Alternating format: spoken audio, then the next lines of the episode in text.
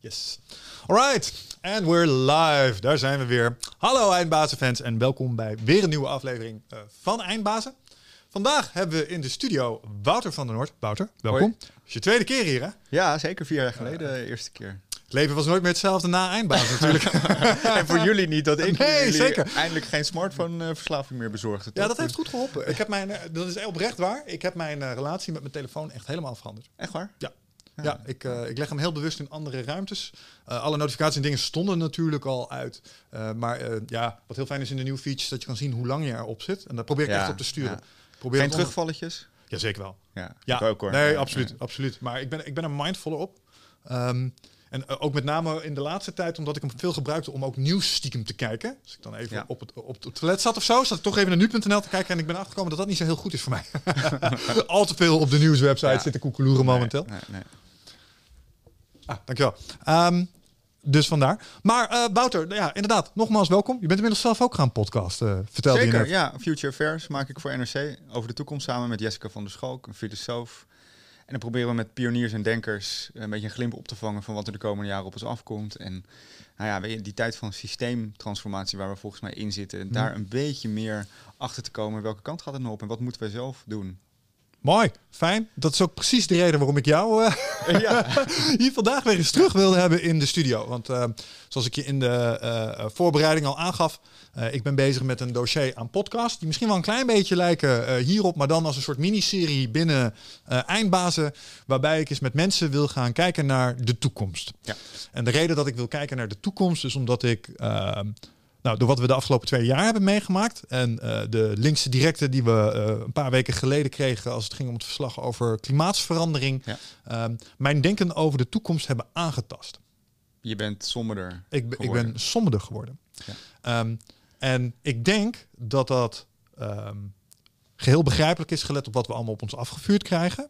Maar ik geloof tegelijkertijd dat de manier waarop we hierin gaan staan, hoe we ons hierin zullen opstellen, hoe we ernaar gaan kijken, in sterke mate bepalend zal zijn voor de uitkomst aan de achterkant hiervan. Ja, Dus ik ben een ontzettende fan van de mensheid. ja, Ja, humanity, ja, ja. fuck yeah. Ja. Ehm, ik weet niet of je eh, het genre kent, maar er is een genre science fiction. En dat heet Humanity Fuck Yeah. En wat dat eigenlijk zijn, zijn korte science fiction verhalen. En de premise is altijd hetzelfde. De mensheid eh, stapt op het eh, intergalactische toneel. Eh, tussen, tussen alle grote eh, beschavingen Ja, ja, en zo. En ze zijn altijd nog een beetje ruw eh, om de ze, ze hebben ruwe randjes. Ze zijn nog heel erg in hun primal being, maar het zijn altijd badasses. En ze hebben slimme oplossingen. Ze hebben altijd slimme oplossingen, technologie, en, en ze, eh, uiteindelijk worden ze altijd onderschat. Ja. Ehm, en, en komen ze toch, gena- en dan uiteindelijk worden het eh, de main dominant Ik weet eerlijk gezegd niet waar ik zelf sta hierin hoor. Je hebt altijd inderdaad een beetje de twee mensbeelden. De humanity fuck yes en de mensheid is een virus wat eh, de Ja. aarde vernietigt. Eh, en in het klimaatdebat zie je ook heel erg twee kampen. Je hebt de tovenaars. Dan ben jij dan een beetje die denken, oh, technologie gaat ons redden en eh, vooruitgang. En eh, als we maar zoveel mogelijk innoveren, dan komen we wel aan deze shit. En je hebt eh, de profeten.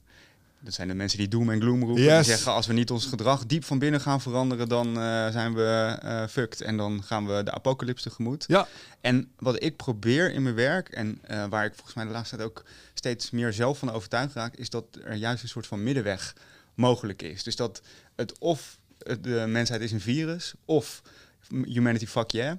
Waarschijnlijk zitten er in allebei die redeneringen net wat blinde vlekken. Mhm. En met die blinde vlekken gaan we er niet komen, vrees ik. Nee, dat denk ik ook niet. En ik, ik ben helemaal met je eens dat eh, de waarheid en de oplossingen hier in het midden zullen liggen. Dus ik ben enerzijds volledig voor het omarmen van allerlei technologieën om engineering problems, wat in principe een boel van de dingen die we voor liggen eh, zijn, eh, op te kunnen lossen. Aan de andere kant, ja, dat is misschien ook dweilen met de kraan open als je niet fundamenteel iets gaat doen Exact. Aan eh, hoe je als mens opereert in, in dat En systeem. niet, niet alleen doen, maar ook willen. Dat eh, behalve een externe oplossing, externe oplossingen, zoals Mhm. innovaties, zoals nieuwe technologieën, zoals misschien belastingen of eh, maatregelen, heb je een interne verandering nodig. En die interne verandering is veel fundamenteler, is in a way misschien moeilijker, Mhm. maar zit al in ons. We moeten gewoon iets anders willen dan we nu willen. En dan is een heel deel van het probleem opgelost. En Ja. je kunt er heel, heel eh, eh, cynisch over worden, over de taak die daarin voor ligt. Want hoe kunnen we iets anders willen dan we al duizenden jaren willen. Ja. Maar het ligt wel binnen handbereik. En dat zorgt ervoor dat ik dus ook uh, de laatste tijd toch weer wat optimistischer ben geworden. Oh, ik ook. Want ik weet dat we dat kunnen. Ja. Sterker, wij zijn, even serieus, wij zijn um, de kroon op de schepping. Als je kijkt naar deze planeet. Ja, we zijn de dominant species. We hebben deze hele planeet in onze greep. Ten goede of ten slechte? Nou, ik zou zeggen dat dat wel precies is. De interne verandering die we moeten doormaken, is dat we die houding, misschien uh, vanuit een verantwoordelijkheidsbesef, inderdaad, we zijn waarschijnlijk de slimste en in ieder geval de, de krachtigste en de meest innovatieve soort op aarde. Maar juist door ons erboven te plaatsen, erbuiten te plaatsen, zijn al die problemen ontstaan. En die interne verandering die nodig is, die zit er misschien meer in dat we weer er onderdeel van moeten gaan worden. Ja, nou, maar daar ben ik het helemaal met je eens. Want wat ik probeer te zeggen is, met, met dat vermogen hebben we gedemonstreerd dat we een bepaalde intellectuele vaardigheid bezitten. Zeker. En diezelfde intellectuele vaardigheid kan ons volledig laten inzien wat jij zojuist omschreef. Ja. Het zal alleen een aantal offers vergen in de komende tijd. En die offers, dat klinkt heel zwaar. Maar dat hoeft misschien niet zo zwaar te zijn als, als mensen meteen. Je hoeft niet meteen alles compleet om te gooien. Ik denk dat dat ook niet gaat werken. Kleine stapjes tegelijk. Maar ik denk dat we wel iets moeten doen aan wat wij momenteel vereren. In dat opzicht. Mm. Als mensen. Ik denk dat wij. Uh, ja, klinkt heel spiritueel. Maar wij vereren een beetje valse goden. Dat, lijkt me duidelijk. En uh, valse goden en eindeloze groei. Uh, de, de misvatting dat wij buiten en boven de natuur staan. En, ja. uh, het komt al heel snel een beetje op spiritueel klinkende thema's uit, denk ik. Maar ik denk dat het ook heel erg in de tijd zit dat daar wat meer ruimte voor is. Ja. En dat als je het hebt over dat die externe oplossingen ons wel vooruit kunnen helpen, maar niet alles kunnen oplossen. En je constateert dat die interne oplossingen belangrijk zijn die interne oplossingen komen alleen maar vanuit spirituele groei, vanuit mm. bewustzijnsgroei. En uh, volgens mij worden veel meer mensen daarvoor wakker, uh, staan er in ieder geval opener voor, waardoor er ineens in de, in de tijdsgeest iets lijkt te verschuiven van hé, hey, misschien is het zo moeilijk niet en misschien is die interne verandering en die, die verandering van blik wel veel meer binnen handbereik dan we uh, nu nog denken. Wat denk jij dat op dit moment de belangrijkste aanjager is van die, want ik voel hem ook, potentieel op, op handen zijnde mindshift? Wat is daar de, de belangrijkste drijver achter nu, denk je? Punt 1, denk ik, de, de vrij existentiële klimaatdreiging. Ik denk dat het heel duidelijk is dat daar gewoon grenzen in zicht komen. We gonna die, joh. Uh, ik denk, uh, ook daar is, ligt de waarheid weer in het midden. Uh, het is niet het einde van de mensheid, niet het einde van de wereld, klimaatverandering. Maar het, het gaat hele grote problemen veroorzaken in balans. En dat IPCC-rapport laat dat volgens mij heel, heel duidelijk zien. Hmm. En wat was je vraag nou precies? De vraag was wat je denkt dat, dat de driver is achter uh, dat we daarbij. Dus enerzijds zeggen ja, mensen snappen ook wel, uh, er komt een existentiële dreiging aan. Dus laten we maar iets aan ons gedrag doen. Ja, maar wat dacht je van de pandemie? Ja? Dat was natuurlijk een contrastvloeistof voor allerlei onderliggende dingen die al gaande waren, die ineens naar de oppervlakte hmm. kwamen. Het werd ineens duidelijk dat bepaalde systemen falen, uh, dat manieren van leven niet meer werken, dat ook die illusie van boven de natuur staan, als wij dat denken, uh, the virus is going to bite you in the ass. We staan niet boven de natuur, we zijn er onderdeel van. En als we niet goed daarover rekenschap afleggen, dan weet de natuur wel een weg te vinden via virussen of dodelijke ziektes om ons eronder te krijgen. Mhm. Dus uh, die existentiële dreiging van klimaat, plus de shock van de pandemie, waarin we, nou ja, uh, niet alleen maar dingen hebben gezien die mis zijn gegaan, maar ook die interne switch hebben gevoeld. We hebben gevoeld hoe het is om ineens dingen naast ons neer te leggen. Om niet eindeloos te groeien, om het kleine en dichtbijen te waarderen. Uh, we hebben geleerd dat het mogelijk is om systemen te verlaten.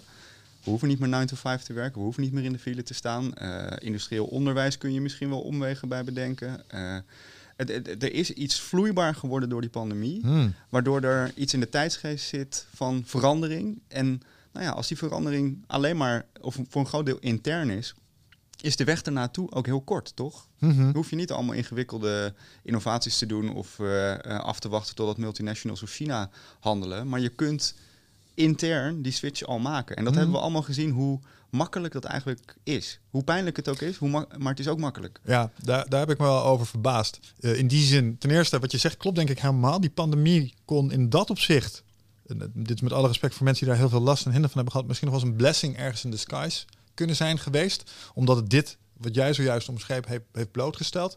En hoe ik het zelf ook heb ervaren was, vooral in de eerste uh, aanhef, het was een soort slow-mo psychedelische trip of zo mm. voor de hele wereld. Ja. Zo van, oh, wacht even, de hele werkelijkheid is hier gewoon aan het, aan het ja, shiften. Het was een kantelpunt, denk ik. Uh, ja. En uh, wat je zegt, we, het, ik denk dat veel mensen hem ook anders hebben beleefd. Weet je, als jij een, eh, als IC-verpleegkundige. Nee, dat bedoel ik. Dat 100% Dus, waar. Nee, en duidelijk. Voor veel wel. mensen was die pandemie een ramp, maar voor veel mensen die de luxe hadden, zoals wij, denk ik, dat we voor een deel thuis konden werken, eh, die ook de luxe konden ervaren dat in het begin van die pandemie eh, ervoer ik ook heel erg alsof er, weet je, zo als je eh, normaal gesproken naast een vliegtuigmotor zit, hard geluid, dat geruis, maar ja, het, het gaat maar door en het gaat maar door. En op een gegeven moment vind je wel in dat geluid een modus. Mhm. Toen de eerste lockdown er was, voelde het een beetje alsof er een vliegtuigmotor uit werd gezet. Ah. Zo, alle ruis van het leven, van de drukte, van de stress, van de groei, van alle impulsen die je normaal gesproken hebt, waar we dus helemaal in verstrikt zaten, Mhm. die viel weg. Die ruis van het normale leven kwam stil te liggen, waardoor er ineens ruimte ontstond voor reflectie en Mm. nadenken. Voor mij, eh, het was een heel heftig jaar. En eh, ik heb ook heel verdrietige dingen gehad. Mijn moeder is overleden. Maar het is ook een zeldzaam jaar geweest van reflectie, van rust, van dichtbij, van met mijn geliefde zijn. Met- Mm. En eh, ik denk dat heel veel mensen die ervaring hebben gehad en dat dat iets los heeft gemaakt in de tijdsgeest. Je, je beantwoordt daar een vraag die ik, denk ik, een vraag die ik wilde stellen. Namelijk, wat denk je dat het dan is als je het hebt over die mindshift naar wat we dachten nodig te hebben en te moeten willen, naar wat we nu hebben geconstateerd dat we eigenlijk echt nodig hebben? Er zitten grote misvattingen in waar we denken waar we gelukkig van worden, toch? Meer, meer, meer.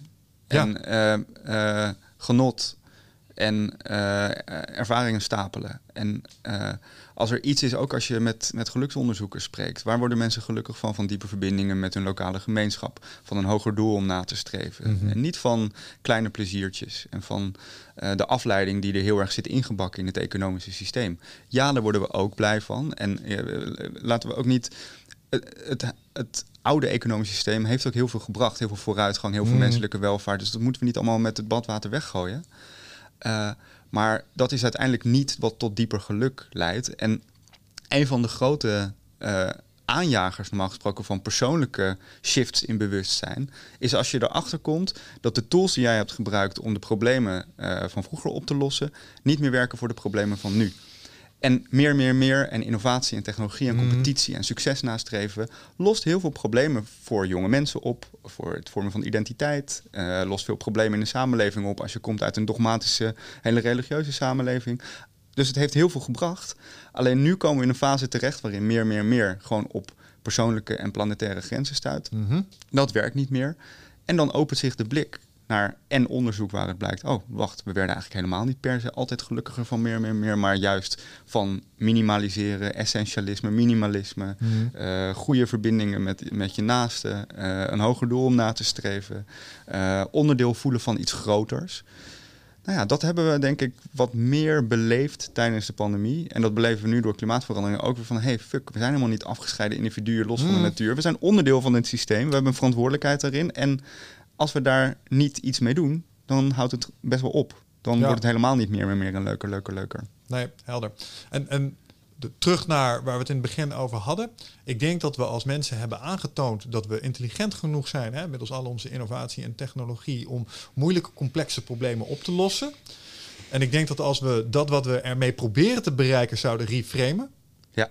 richting wat je zojuist omschreef, dat het ons wel degelijk zou kunnen gaan helpen en redden. Alleen dan moet het dat doel gaan dienen. In plaats van dat wat het, die valse god die het eerder diende. Namelijk oneindige Precies. groei, welvaart eh, tot de max. En misschien kan het daarna wel weer terugkomen, omdat we innovatie. Hè, misschien als wij als mensen nog 100 jaar weten te overleven, hebben we oneindige energiebronnen. Ja. Misschien kunnen we het er dan weer eens over hebben. Snap je? Maar op dit Ja. moment is dat niet zo. Maar je zag ook tijdens het begin van de pandemie toch eh, eh, wat er gebeurt als, dat, als die ruis wegvalt. Dan, toen, gingen, toen barstte er een soort van bom los van solidariteit. Iedereen ging met pannetjes soep naar de buurvrouw en eh, klappen voor de zorg. Weet je, los van het feit of dat nou goed of slecht is. Maar er was een opstoot van solidariteit en gemeenschapszin in de, in die eerste beginfase van de pandemie. Als er zich heel groots en rampzaligs voordoet, dan gaan mensen samenklonteren omdat ze daar de meeste betekenis uit halen. En we zien nu met die klimaatramp, die is natuurlijk abstracter en eh, eh, gaat meer in slow motion. Maar inmiddels begint dat ook wel op te stapelen. Dus misschien dat dat ook precies soort van het, het, het, het gevoel van urgentie geeft, waardoor mensen samenkomen, waardoor mensen anders leren kijken naar hun prioriteiten en wat ze willen. Niet als een soort van great reset. En ik weet dat dit soort ideeën ook heel erg worden gebruikt Uh, misschien wel door machthebbers. En in ieder geval door mensen die heel, heel uh, kritisch zijn op die machthebbers. Om te denken van nou, hier is iets raars aan de hand. Mhm. Ik geloof dat die bedreigingen echt zijn. Ik denk dat, dat het virus een probleem is. Ik geloof dat het klimaatprobleem echt Ja, is. Ja. Ehm, en dat het misschien wel mensen samen kan brengen om gezamenlijk tot die meer gedeelde visie op een goed leven te komen. En misschien zijn we dat ook wel een beetje kwijtgeraakt eh de laatste decennia. Wat is een goed leven? Wat, wa- hoe definieer je nog wat een. eh, hoe, hoe we vanuit onze eigen kern eh, goed leven? Ja, ah, heel, ik denk dat onze cultuur daar voor een belangrijk deel verantwoordelijk voor is voor dat beeld wat we daar hebben. Als ik kijk naar, naar mijn eh, jaren 20, jaren 30, zeg maar, mijn eigen, eh, waar was ik mee bezig? Ja, carrière maken. Eh, waarom? Nou, dat had ik papa zien doen. En, en- waar had ik dat nog meer? Ja. Op tv, in de Ja. films en in de series. En dat is goed Ja. als je dat doet. Ja. Eh, want eh, ja, een duurdere auto als de buurman, dat is een, eh, is een goed teken. Snap je? Dat is een beetje de, de, de standaard conditionering die je mee hebt gekregen. Ken je Spiral Dynamics? Nee. Het is een heel gaaf model eh, over bewustzijnsontwikkeling bij mensen. En je ziet het ook in de samenleving terug. Spiral Dynamics wordt heel vaak gebruikt als Als een Eh, spiraal. Ja, dit is een spiraal. Ehm, je kent waarschijnlijk de kleurindelingen wel. Eh, van die kleurentestjes, persoonlijkheidstesten. Jij bent of oranje en dan ben, je gericht op innovatie en successen en, Oh, eh, ja, ja, ja. En, en competitie. Als je groen bent, ben je gericht op het gezamenlijke. Eh, dat is een beetje een perversie van wat Spiral Dynamics eigenlijk is. Het is een model dat een dynamische ontwikkeling van mensen in hun bewustzijn beschrijft. Hmm. En wat jij net beschrijft is heel erg typisch voor een oranje bewustzijnsniveau. Dus het, het, het niveau van winnen, competitie, innovatie, succes, het ego. Is een heel nuttige fase waar je in zit. Daarna kom je in de groene fase terecht van gezamenlijkheid, van eh, zorgen, eh, van eh, groepsgevoel. Ja. Dat is ook weer een volgende stap daarbovenop. Uiteindelijk hoop je in Spiral Dynamics in een hogere stap te komen. In zowel geel als tur turquoise zijn die kleuren. Geel draait om systeemdenken, geïntegreerd denken. is Eh, dit niet de kleur van de Kundalini, by the way? Volgens mij, volgens mij eindigt ook boven met er, Paris. er zitten heel veel, ik ken Kundalini niet zo goed, maar er zitten heel veel raakvlakken tussen eh Spiral Dynamics en ideeën uit eh, Ja. oudere tradities die zich al veel langer bezighouden met bewustzijnsopeningen en eh, wakker worden. Ehm, en dat pad eh, wat je net beschrijft van eh, de generatie voor ons die nou ja, veel waarde hechten, denk ik aan eh, zekerheid en een huis en een auto Mhm. en een mooie vakantie. Wij zijn denk ik collectief daar een beetje in die bewustzijnsspiraal omhoog aan het bewegen. En nog niet helemaal. Hè. En, eh, het kenmerk van Spiral Dynamics is ook dat het een dynamisch model is, waardoor je ook alle elementen in je hebt en weer terug kan spiralen Sure, ja, ja, naar ja, oranje. Maar er openen zich nu meer mogelijkheden om in die hogere spiralen van het systeemdenken, van het spirituelere denken te komen. En ik denk dat we in die fase zitten. Dat we in een fundamenteel omslagpunt zitten van eh, nou ja, het oude kapitalisme, wat draait om winnen en succes, naar een nieuwer systeem dat meer draait om symbiose en eh, verbinding. Ja, je zou misschien kunnen zeggen dat als je naar, naar de aarde kijkt als een soort collectief, dat we misschien wel een soort culturele technologische puberteit nu aan het uitkomen zijn. Nou ja, kijk naar wie er voor, eh, tot voor kort de president van Amerika was. Het was vrij puberaal, toch? Ja, absoluut. Nou, maar dat, maar dat, maar dat ja. laat dus ook zien dat. Dat is dus een teken dat de oplossingen van de problemen van vroeger niet meer de huidige problemen gaan oplossen. Ja. Eh, iemand die heel erg gericht was op eh, eh, succes en ondernemen en persoonlijke positionering, was waarschijnlijk super nuttig geweest in de jaren 60, 70, toen een samenleving nog heel star en ordelijk en veel op religie en dogma Hmm. leunde. Maar nu we die hele fase hebben gehad van het kapitalisme, is het tijd voor iets nieuws. En eh, ik word best wel optimistisch de laatste tijd door naar de onderstroom te kijken. In plaats van Hmm. naar de bovenstroom. De bovenstroom is denk ik nog iets om heel cynisch van te worden. Kabinetsformatie die maar niet wil vlotten. eh, grote bedrijven die niet willen deugen.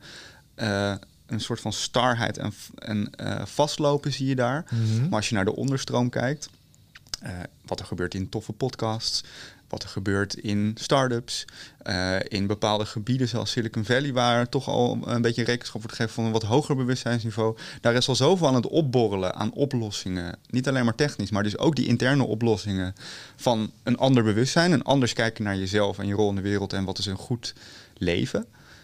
Dat nou dit, dit is een beweging die niet meer te stoppen is, denk ik. Mogen we erop vertrouwen? Ja, oké, dat, dat beantwoordt mijn, vra mijn, vraag eigenlijk. Want wat ik, wat ik zie bij de mensen die neerslachtig worden, is het cynisme over die bovenlaag waar je het over hebt. Waarom zouden we dit proberen? Want kijk naar Big Tech, jongen. Hoe moet ik daar tegen vechten? Kijk naar de elite. Die gaan straks zichzelf onsterfelijk maken. Kom je nooit meer bij, weet je wel? Ja. Uh, hoe gaan we dit doen? En, maar tegelijkertijd denk ik dan altijd van... ja, dat is leuk, maar die mensen die zijn daar gekomen... puur en alleen bij de gratie van die mensen... een paar niveautjes daaronder. Ja. Je mag nooit vergeten als leider hoe je daar komt. En als je de bevolking tegen je hebt... Nou ja, we hebben in de Arabische lente gezien hoe dat met je afloopt. Dat, ja. Als Gaddafi. Nou ja, dat dat, ik denk dat die dynamiek uh, Kijk, daar word ik niet per se gerust doorgesteld. Want ik, ik denk dat als je naar die dynamiek kijkt in het verleden, in de geschiedenis, dat de geschiedenis van dat soort transities en revoluties niet zo gerust stelt. Het gaat vaak gepaard met shit. Tuurlijk, tuurlijk. En, maar misschien is dat ook hier. Ehm, kijk, elke stap voorwaarts gaat gepaard met een moment van onbalans. Ja. En uh, we hadden het er straks al even over de geschiedenis van transities. Misschien zit het wel in de aard van transities dat dat altijd even smoetsig is. Ja, en wat ook interessant is als je... Het, is, het wordt misschien een beetje abstract en kunnen we zo wat concreter worden weer. Maar uh, transities zijn vaak exponentiële processen. Het, het, zijn veranderingen in complexe systemen in, uh, waarin allerlei dynamieken op elkaar inwerken, maar op een mhm. exponentiële manier. En uh, een heel mooi raadseltje om exponentiële groei duidelijk mee te maken. En misschien ken je het wel. stel, je hebt de Johan Cruijff Arena en op de, kraan, op de middenstip zet je een kraantje open. Dat per seconde één druppel laat verdubbelen. Hmm. Dus op seconde 1, één druppel, 2, 4, 8, 16 en zo verder. Ja. Hoe lang denk jij dat het hele stadion vol staat? Waarschijnlijk twee minuten.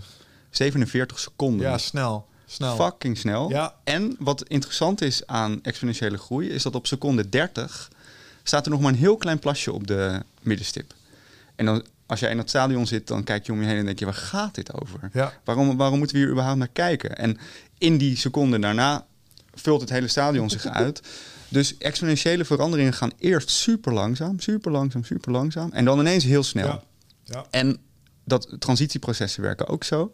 En het zou zomaar kunnen dat we nu een soort van versnelde transitie meemaken door COVID en door de klimaatcrisis. Die nu nog, als je inderdaad nou, uh, naar de bovenste ringen kijkt in het stadion, waar nu de machthebbers zitten, is er nog niks aan de hand. Maar wacht maar. Ik, ik denk dat dit heel snel kan gaan en dat juist die dynamiek van kantelpunten ook wel wat hoop kan geven voor uh, nou ja, toch de snelheid van verandering uiteindelijk. Ja, ja, je laat me ineens denken aan iets. Ik, uh, als het gaat om exponentiële groei, Um, in een oude Donald Duck heb ik dat ook een keer op een soortgelijke manier uitgelegd zien. Ja, nee, zo, ja, de, wijsheid van Donald Duck. De wijsheid van Donald Duck. En zij deden dat met een schaakbord en rijskools. Ja, maar dat is heel, ja, inderdaad. Dat is, dat is het bekende sprookje van de uitvinder van het schaakbord. Koning Midas of iets dergelijks. I don't know, maar die, die, die, vindt dan het schaakbord uit en die uh, vraagt als beloning aan de koning aan wie hij dat schaakbord aanbiedt. Uh, zegt hij van leg op het eerste vakje één gaan, op het tweede vakje twee, vier, acht, zestien en verdubbelt dat. Nou, koning zegt prima. Klinkt goed. Ja, klinkt als een goede deal. en als je, dat, als je dus 64 van die stappen maakt, kom je op meer graankools dan er ooit in de hele uh, menselijke geschiedenis hebben bestaan. Ja, dus exponentiële groei heeft iets heel tegenintuïtiefs. Uh, lijkt vooral eerst heel langzaam te gaan. In de analogie van het schaakbord heb je een groot verschil tussen de eerste helft van het schaakbord en de tweede helft van het schaakbord. En we zitten nu denk ik nog op de eerste helft van het schaakbord van de verandering. Maar de tweede helft komt in zicht, denk ik. En als die rijskorrels nou eens gelijk zouden worden gesteld aan menselijke geesten die op een bepaalde manier denken over dingen, dan kan je ineens een veel meer impact hebben en veel meer verandering te En dat is waarom ik ook optimistisch ben, is juist als je je realiseert, hé hey, wacht, ik ben geen afgescheiden individu. Ik ben onderdeel van een gemeenschap, ik ben hmm. onderdeel van de natuur.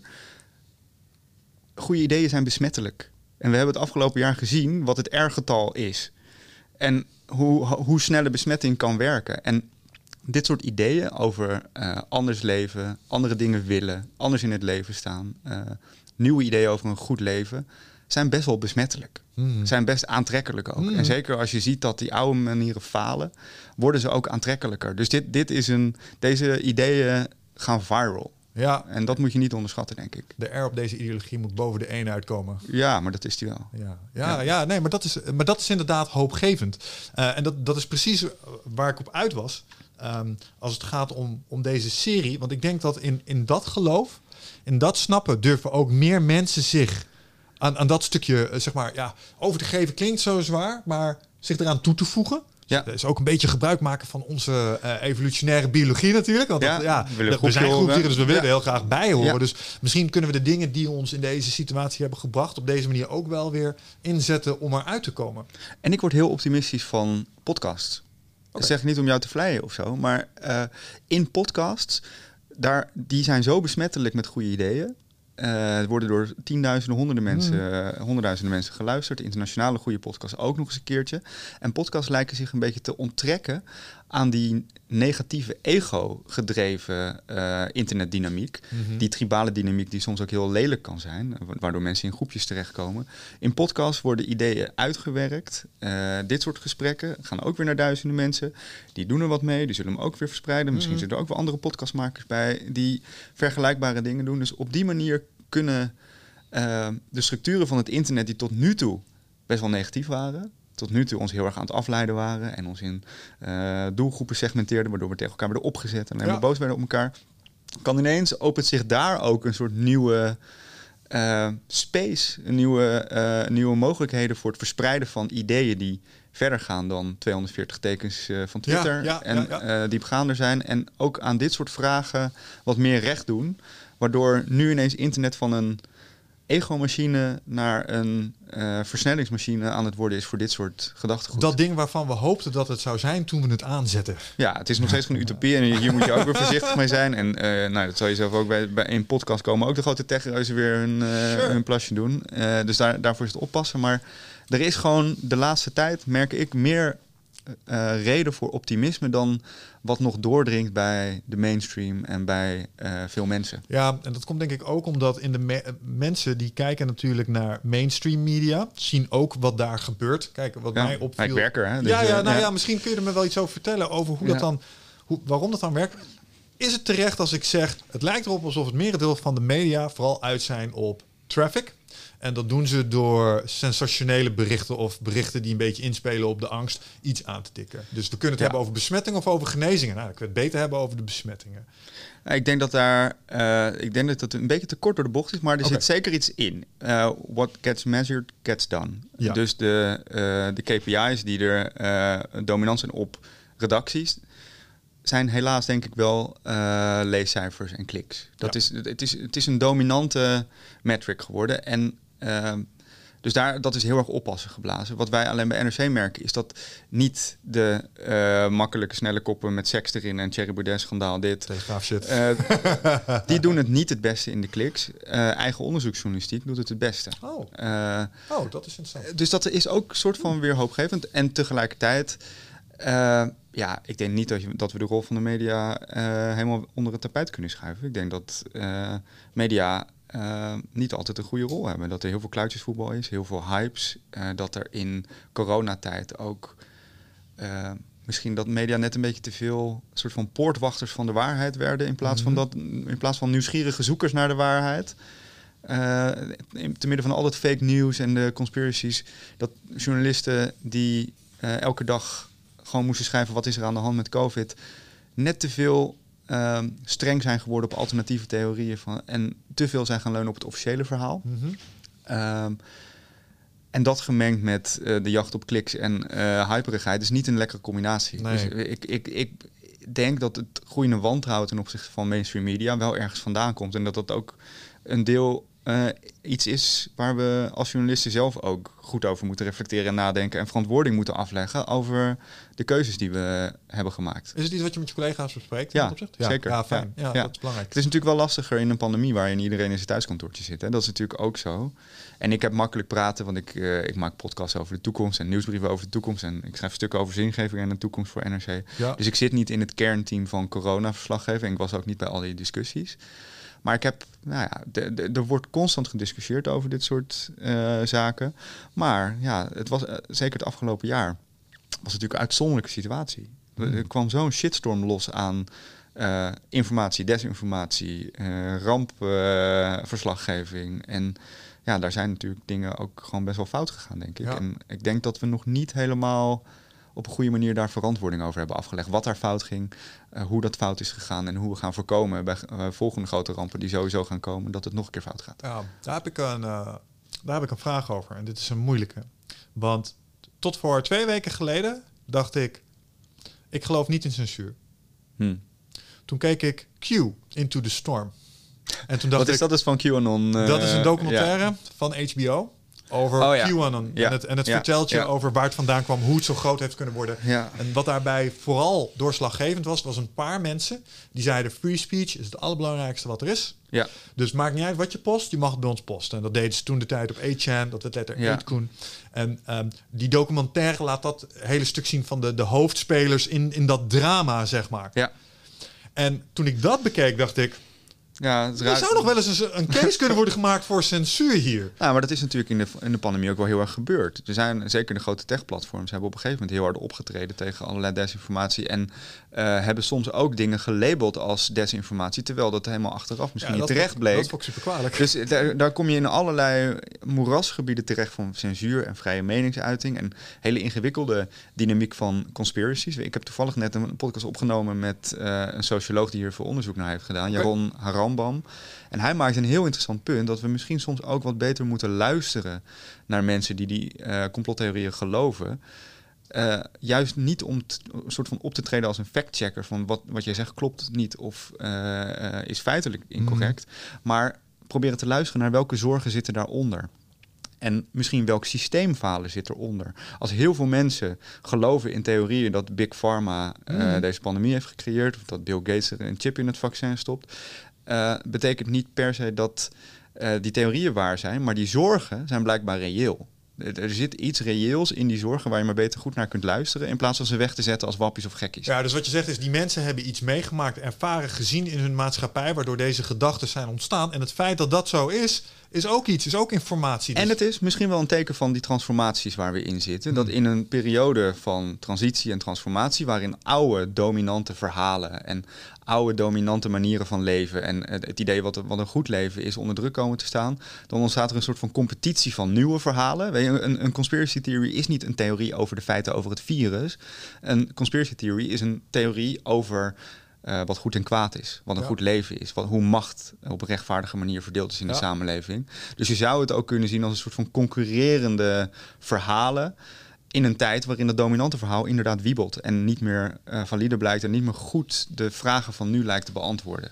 Ja, en ik denk dat, dat het, het, het, het globale verhaal waar we met z'n allen in zitten, moet worden herschreven. Een soort van. Ja, eh, naar, naar, een, naar een narrative wat we allemaal kunnen voelen. eh, en waarvan we met z'n allen ook eens zijn van ja, maar dit is het. Ja. De- de- hier kunnen we met z'n allen ons achter, achter scharen. Want dit voelt Ja. Soort van.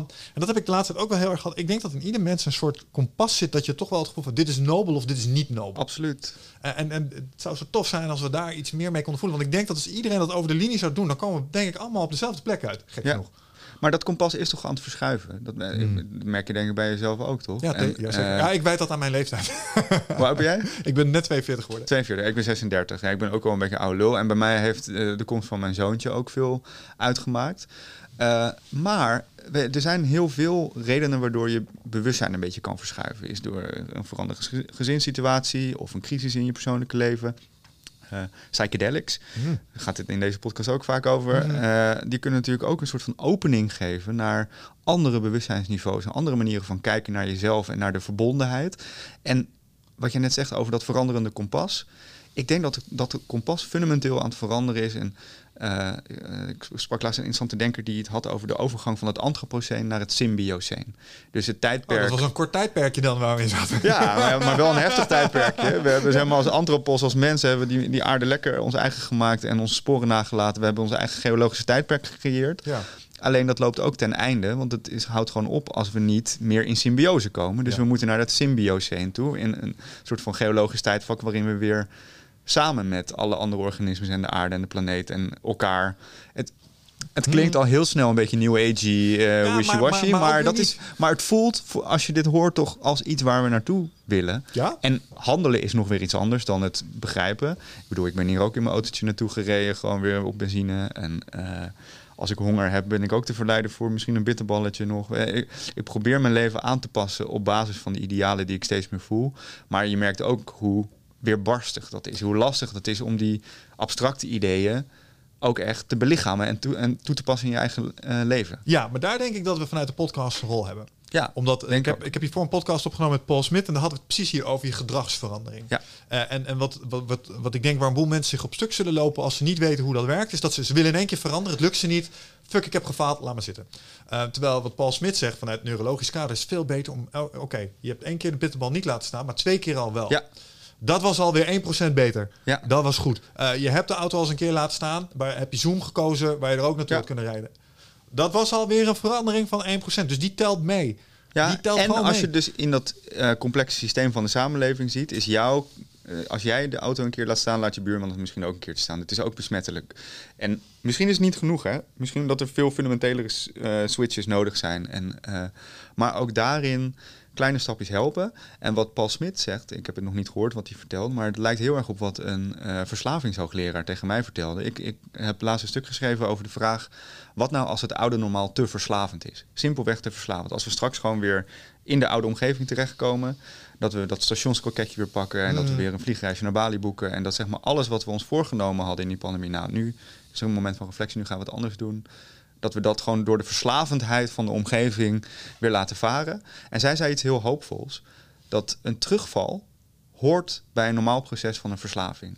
En wordt Ah. vaak getriggerd door iets in de omgeving. Als je al- als alcoholist bent genezen van je verslaving, dan kan je ineens weer terugval hebben als je het glas ziet van het merk bier dat je dronk of langs je kroeg loopt, eh, waar je altijd dronken werd. Eh, maar dat is een, zelfs een essentieel proces in die verslaving. Dat je het loslaat, weer eventjes terugvalt. Dan nog bewuster wordt geconfronteerd met de compulsie en de dingen die je eigenlijk niet meer wilde. En dat dat gebruikt kan worden als je het op een goede manier integreert om hem helemaal los te laten. Maar dit is echt mega belangrijk om te weten. Zeker als je als mens hiermee aan de slag wil. En je, je wil dus proberen om je oude denken iets los te laten. Om te denken naar iets nieuws. En je ziet jezelf in je oude patronen vervallen. Boel mensen disqualificeren zichzelf daarna. Ze hebben gefaald in hun ogen. Ja, en dan, dan laten ze alles maar wapperen. En ik, ik, ben, ik ben er ook niet uit voor mezelf. Hè? Mhm. Of, of dit genoeg is. Want het is ook soms een excuus om te denken... ah, prima, terugvalletje, maakt toch niet uit. Het is een onderdeel van een verslavingsproces. Ja. En het vergt ook misschien wel meer moed... en wel meer standvastigheid... en wel dingen die jij ook beschrijft in je boek. Dat zijn natuurlijk ook heel, heel stoïcijnse waarden, toch? Dat je... eh, en misschien is dat ook wel een van de grote antwoorden op de problemen van nu... is richt je op wat je zelf kunt veranderen. Ja. Dat die stoïcijnen die werken heel erg met de dichotomie van controle. Dingen waar je wel controle hebt, dingen waar je niet over controle hebt. Richt je met passie en overgave op de dingen waar je wel controle over hebt. En laat lekker alles wapperen waar je geen controle over hebt. Ik heb geen controle over China. Ik heb geen controle over al die andere mensen die eh, misschien een auto nemen of nog vlees eten of eh Mhm. vliegreizes boeken. Ik kan alleen mezelf controleren. En als je dat op een goede manier doet en als je het gevoel hebt dat je dat vanuit een soort van hervonden kompas en nieuwe eh, innerlijke lagen kan invullen, nou, dan ben je toch al eh, een heel stuk op weg. Dan ben je denk ik in de, dan ben je echt een heel stuk op weg. En wat je zelf al zegt, eh, op het mo- nou, be the change, hè? Wees de verandering Ja, in de wereld die je zelf Ja. wil zien. Eh, en je zult er mensen mee aansteken. Ja. Eh, dat is het naar veganisten en mensen die crossfit doen. Je weet redelijk snel dat ze veganisten zijn en gaan crossfit doen, weet je wel. Want ze zijn enthousiast over wat ze aan het doen Ja. zijn. En ze zijn er 100% van overtuigd dat het goed is en dat het eigenlijk ook goed voor jou zou zijn. Ja. Christen, echte christenen hebben dat ook. Die willen zo graag dat maar- jij ze... Ja, dat is waar, maar die, die maken misschien wel de denkfout dat ze een soort van eva- gaan eh, evangeliseren. Nou ja, En dus proberen onder controle te krijgen wat zij niet onder controle hebben, namelijk jou. Hmm. En dan gaat het irriteren en schuren. Nee, terwijl is- wat jij net zegt, be the change you want to see in the world. Dat is het enige wat je kunt doen, want dat werkt besmettelijk, dat straalt uit. En als je dan ook nog het geluk hebt, zoals wij, dat we een podcastje hebben of een stukje in een krant mogen schrijven of eh, op sociale media, wat mensen kunnen aansteken daarmee met, met die viral ideeën, Mhm. dan lever je al best wel een bijdrage, denk ik. Ja, dat denk ik ook. Dat is de hoop. Eh, Dat is de reden om eh, iets als dit te doen. Ehm, heel eerlijk, dat is gewoon omdat ik graag het gevoel in mezelf wil eh, geruststellen dat ik er alles aan gedaan heb wat ik kon doen. Ja. En dat, dat je niet aan de kant stond dat je er naar stond te kijken dacht, nou het zal wel. Ja. Want ik neem het ook serieus, net wat je zegt. Ik vind dat ook wel moeilijk. Dat, dat, dat is iets wat me... Ik weet niet of je die trend ook gezien hebt. Ik zie een boel mensen die eerst helemaal voor klimaat waren. Nu het mainstream begint te worden, helemaal de andere kant op gaan. Oh ja? Ik zie wel een soort van trend als je het hebt over conspiracies. Dat mensen die eh, heel kritisch waren op de maatregelen en de officiële uitleg rondom COVID. nu ook heel kritisch aan het worden zijn over de officiële, zeg Ja. maar, de, de dominante narratieven over, over klimaat. Ehm, En dat dus mensen waarvan ik normaal hadden verwacht dat ze nu zouden zeggen: zie je nou wel? En we moeten nu, die nu zeggen ja. Maar er is ook, zeg maar, in de manier waarop die oude systemen omgaan met klimaatverandering, daar is ook wel best wel wat op aan te merken. En dat is heel erg vanuit een illusie dat je een complex systeem als het klimaat kunt controleren. Of dat je uh, iets heel ingewikkelds als het klimaatprobleem kunt reduceren tot uh, CO2-uitstoot. Ja, nee. ja, prima. Je kunt inderdaad CO2-uitstoot, als je daar alles op gooit, kan je die naar beneden brengen. Maar dat lost niet dat fundamentele probleem van onze verstoorde relatie met de natuur, van onze biodiversiteitscrisis waarin we zitten. Dus je kunt juist als je vanuit een wat hoger bewustzijn, vanuit een systemisch bewustzijn, vanuit een systeemblik kijkt naar klimaatverandering, heel erg zorgen erover kunnen maken en denken dat het een reëel probleem is. Mhm. En ook je zorgen maken over de heel beperkte aanpak die er nu dominant is bij overheden, internationale organisaties, omdat dat heel erg vanuit het oude denken gebeurt en niet vanuit dat symbiotische systeemdenken. Denk je niet dat we misschien iets kunnen verzinnen waarbij we een deel van het oude systeem ehm, kunnen laten werken om deze verandering uh, te bespoedigen. Kijk, ik heb ooit een keer een podcast geluisterd van Elon Musk. En die zat er eigenlijk best wel relaxed in. Waar hij zei, ja, luister, er is een mechanisme die regelt dit allemaal voor je. En dat is de markt. Ja. Dus wat je moet doen, Ja. is uh, dingen als ecotaxen ehm, gaan introduceren. De, de echte prijzen betalen voor dingen die ze kosten. Als je ze echt klimaatneutraal wil laten zijn. En dan laat je de markt het oplossen. Want als die onderstroom die jij omschrijft echt zo exponentieel aan het groeien is. Ik merk het nu al. Ik maak andere keuzes in de dienst die ik afneem. Ja. Ja. Ik kijk anders naar producten die ik koop. Ja. Dus als jij de club bent die mij een bepaald product levert, kijk, mijn investeringen, idem dito. Ik ga nu alleen nog maar investeren in dingen waarvan ik denk, dit dient de planeet. Ja, dit is beter voor de wereld. Uh, ja. Ik heb uh, uh, mijn bedrijf verbonden aan een landgoed in een soort steward ownership. Ik ga 10% van mijn omzet afdragen. Bouw, meer van dat soort Maar landgoeden. het, volgens mij zit de wijsheid eigenlijk in alles in integreren in plaats van separeren. Dus in plaats van dat je zegt, eh, het is of de markt of eh, vanuit een hoger bewustzijn buiten Nee, de markt om. Het, eh, inderdaad, die markt heeft een hartstikke, is hartstikke nuttig, kan hartstikke mooie dingen voor elkaar krijgen en maak daar gebruik van. Integreer dat in je wereldbeeld, integreer dat in jouw eigen handelen. En volgens mij is het oude denken dus heel erg. Die markt eh, heeft nadelen, dus we gooien de hele markt overboord. En we gaan een heel nieuw, Nee. ander systeem bouwen. We moeten het integreren en erop voortbouwen. En uiteindelijk zit daar veel meer wijsheid in dan in het, eh, eh, het afwijzen. Ook vanuit een soort van superioriteitsgevoel van het oude. Want wij zijn niet beter, wij bouwen voort op. Ja. En dat is het interessante aan die Spiral Dynamics. Het, het lijkt, het is, er zit iets hiërarchisch in, maar het een is niet beter dan het ander. Eh, net zo min als dat groep 1 is niet slechter dan groep 8. Je hebt alleen in groep 8 heb je meer mogelijkheden. En laten we die mogelijkheden benutten. En laten we voortbouwen op wat we in groep 1 hebben geleerd. Computertechnologie demonstreert precies wat je nu zegt. Ja. Want de Commodore 64 ziet er architectureel compleet anders uit als eh, dat, die MSI die ik nu op mijn desktop heb staan. Snap je? Het is een ander apparaat. Ja. Maar het is en blijft een computer. Nou, en eh, je, je Apple-ding had niet bestaan zonder de Commodore. Dus het bouwt voort op elkaar. En het is misschien anders. En het is misschien fundamenteel anders qua architectuur, qua technologie, qua manier van denken, van designprincipes. maar het bouwt wel voort op elkaar. En je, Juist. je, je moet, soms moet je dingen weggooien, maar je moet niet vanuit een soort superioriteitsgevoel denken. Daar zijn we nu voorbij. Dus die hele markt of dat, Elon Musk denken, dat hebben we nu gehad. Dus nu, nu gaan we een soort van spiritueel Ja. in een ayahuasca-trip zitten, kosmisch bewustzijn. heb je ineens een discussie met, ja, maar we moeten gewoon geld afschaffen. nee, dat gaan we niet doen. Ik laat me je uitleggen waarom niet. Ja, maar alle, alle goederen dan gemeenschappelijk delen. En eh, nee, daar hebben we ook een naam voor. Dat is communisme. Heeft Ja. nog nooit gewerkt. Weet je, Ja. en, dus nee, je hoeft niet radicaal... eh, ja, je mag wel radicaal veranderen. Maar het wil niet zeggen dat je alles volledig hoeft om te gooien. Er zijn een paar hele radicale wijzigingen geweest in chiparchitecturen. Ja. Met, met levencomputers. Ja. Eh, en, en ze waren nuttig. En inderdaad, de Commodore 64 heeft ervoor gezorgd dat we nu iets hebben als bijvoorbeeld YouTube. En als je het nou hebt over een hele mooie combinatie tussen nieuw denken en technologie, eh, vond ik in YouTube, er zijn nu allerlei kanalen en die houden zich bezig, met, daar had ik het in het vorige ook over, maar homesteading. Dus via de macht van het internet, de magie van het internet, kan ik nu informatie krijgen waarmee ik van mijn kleine balkonnetje in Amsterdam, kan ik genoeg eten opmaken. Een off-the-grid, Off the grid, van het hele zelfvoorzienend. gezin, ja, met allemaal templates en, en kweekschema's en de hele shebang. En er zijn een heleboel mensen. Ik zag jou laatst op LinkedIn ook iets tofs posten over, allerlei groene, groene tuintjes ja, die aan het op. ja. Dit is gewoon een ding. En, en er is nu Maar ineens... dat is ook de fu- fundamentele systeemverandering die volgens mij gaande is. Is dat de eh, oude dominante systemen heel erg van bovenaf dingen proberen op te leggen. En de nieuwe systemen die zijn allemaal van onderaf. onderaf met homesteading, met off-the-grid dingen, met eh, groene buurtuintjes. Crypto's, geen banken, Ja. centrale banken meer nodig, maar we doen het allemaal zelf en van onderop en eh, decentraal georganiseerd. Dat zijn de zaadjes van zo'n nieuw systeem. Ja. Die zijn er nog niet, die zijn nog niet dominant. Nog niet alle straten staan vol met eh, groene geveltuintjes. Nog niet het hele geldsysteem is vervangen door crypto's. Maar het is duidelijk exponentieel aan het groeien.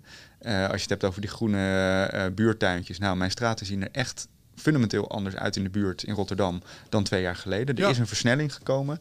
Crypto's hebben een versnelling doorgemaakt. Er zijn allerlei van dat soort bewegingen van onderaf. Psychedelics, eh, net zo'n beweging die ook zeg maar, fundamenteel systeemveranderende potentie in zich heeft, denk ik. Eh, ook exponentieel aan het groeien en op allerlei manieren aan het bijdragen aan eh, het opgroeien van zo'n nieuw systeem. Alleen het zit nu nog in die onderlaag en ploep, straks zit het in één keer in die bovenlaag, Ja. denk ik. Ik, ik wil het er toch even over hebben, want je hebt het, je hebt het nu twee keer gedropt. Ehm, we hebben hier wel eens voor de, gek geze- eh, voor de, voor de gekheid gezegd, die hebben we natuurlijk van eh, Mr. Hancock, maar iedereen die zeg maar in de politiek zou zitten, zou eigenlijk verplicht twee keer een ayahuasca-ceremonie Even moeten hebben gedaan, weet je wel, of een paar truffels. Zo van even, even terug naar eh, Gaia, weer even de planeet voelen, zeg maar. En dan, Ja, ik schrijf de laatste tijd veel over psychedelica. En wat ik daarop terugkrijg aan, aan kritiek is dat het zeker niet de enige manier is om dat voor elkaar te krijgen. Oh, nee. en, en dat het zelfs misschien een beetje een manier is die nogal goed past bij een heel gemakzuchtige en hedonistische manier van dit soort hoger bewustzijn bereiken. Maar nou ja, uit alle onderzoeken blijkt dat dat hogere bewustzijn en een, een groter gevoel van verbondenheid met anderen en de wereld wel een- door heel veel mensen wordt gerapporteerd na het gebruik van ayahuasca, truffels, eh, Mhm. LSD, dat soort middelen. Eh, en we zitten in een fundamentele crisis. Dus ik zou zeggen, eh, met alle mitsen en maren, je, moet niet in dezelfde valkuilen stappen als in de jaren zeventig dat eh, onderzoekers in psychedelica zeiden, we moeten het allemaal gaan gebruiken. Ja. Nee, het zijn hele, hele heftige middelen die zeker niet voor iedereen zijn weggelegd. En met Elke alle risico's van dien. komt het uit de kraam. Nou ja, Wichert heeft natuurlijk, eh, is echt diep gegaan Ja. daarin.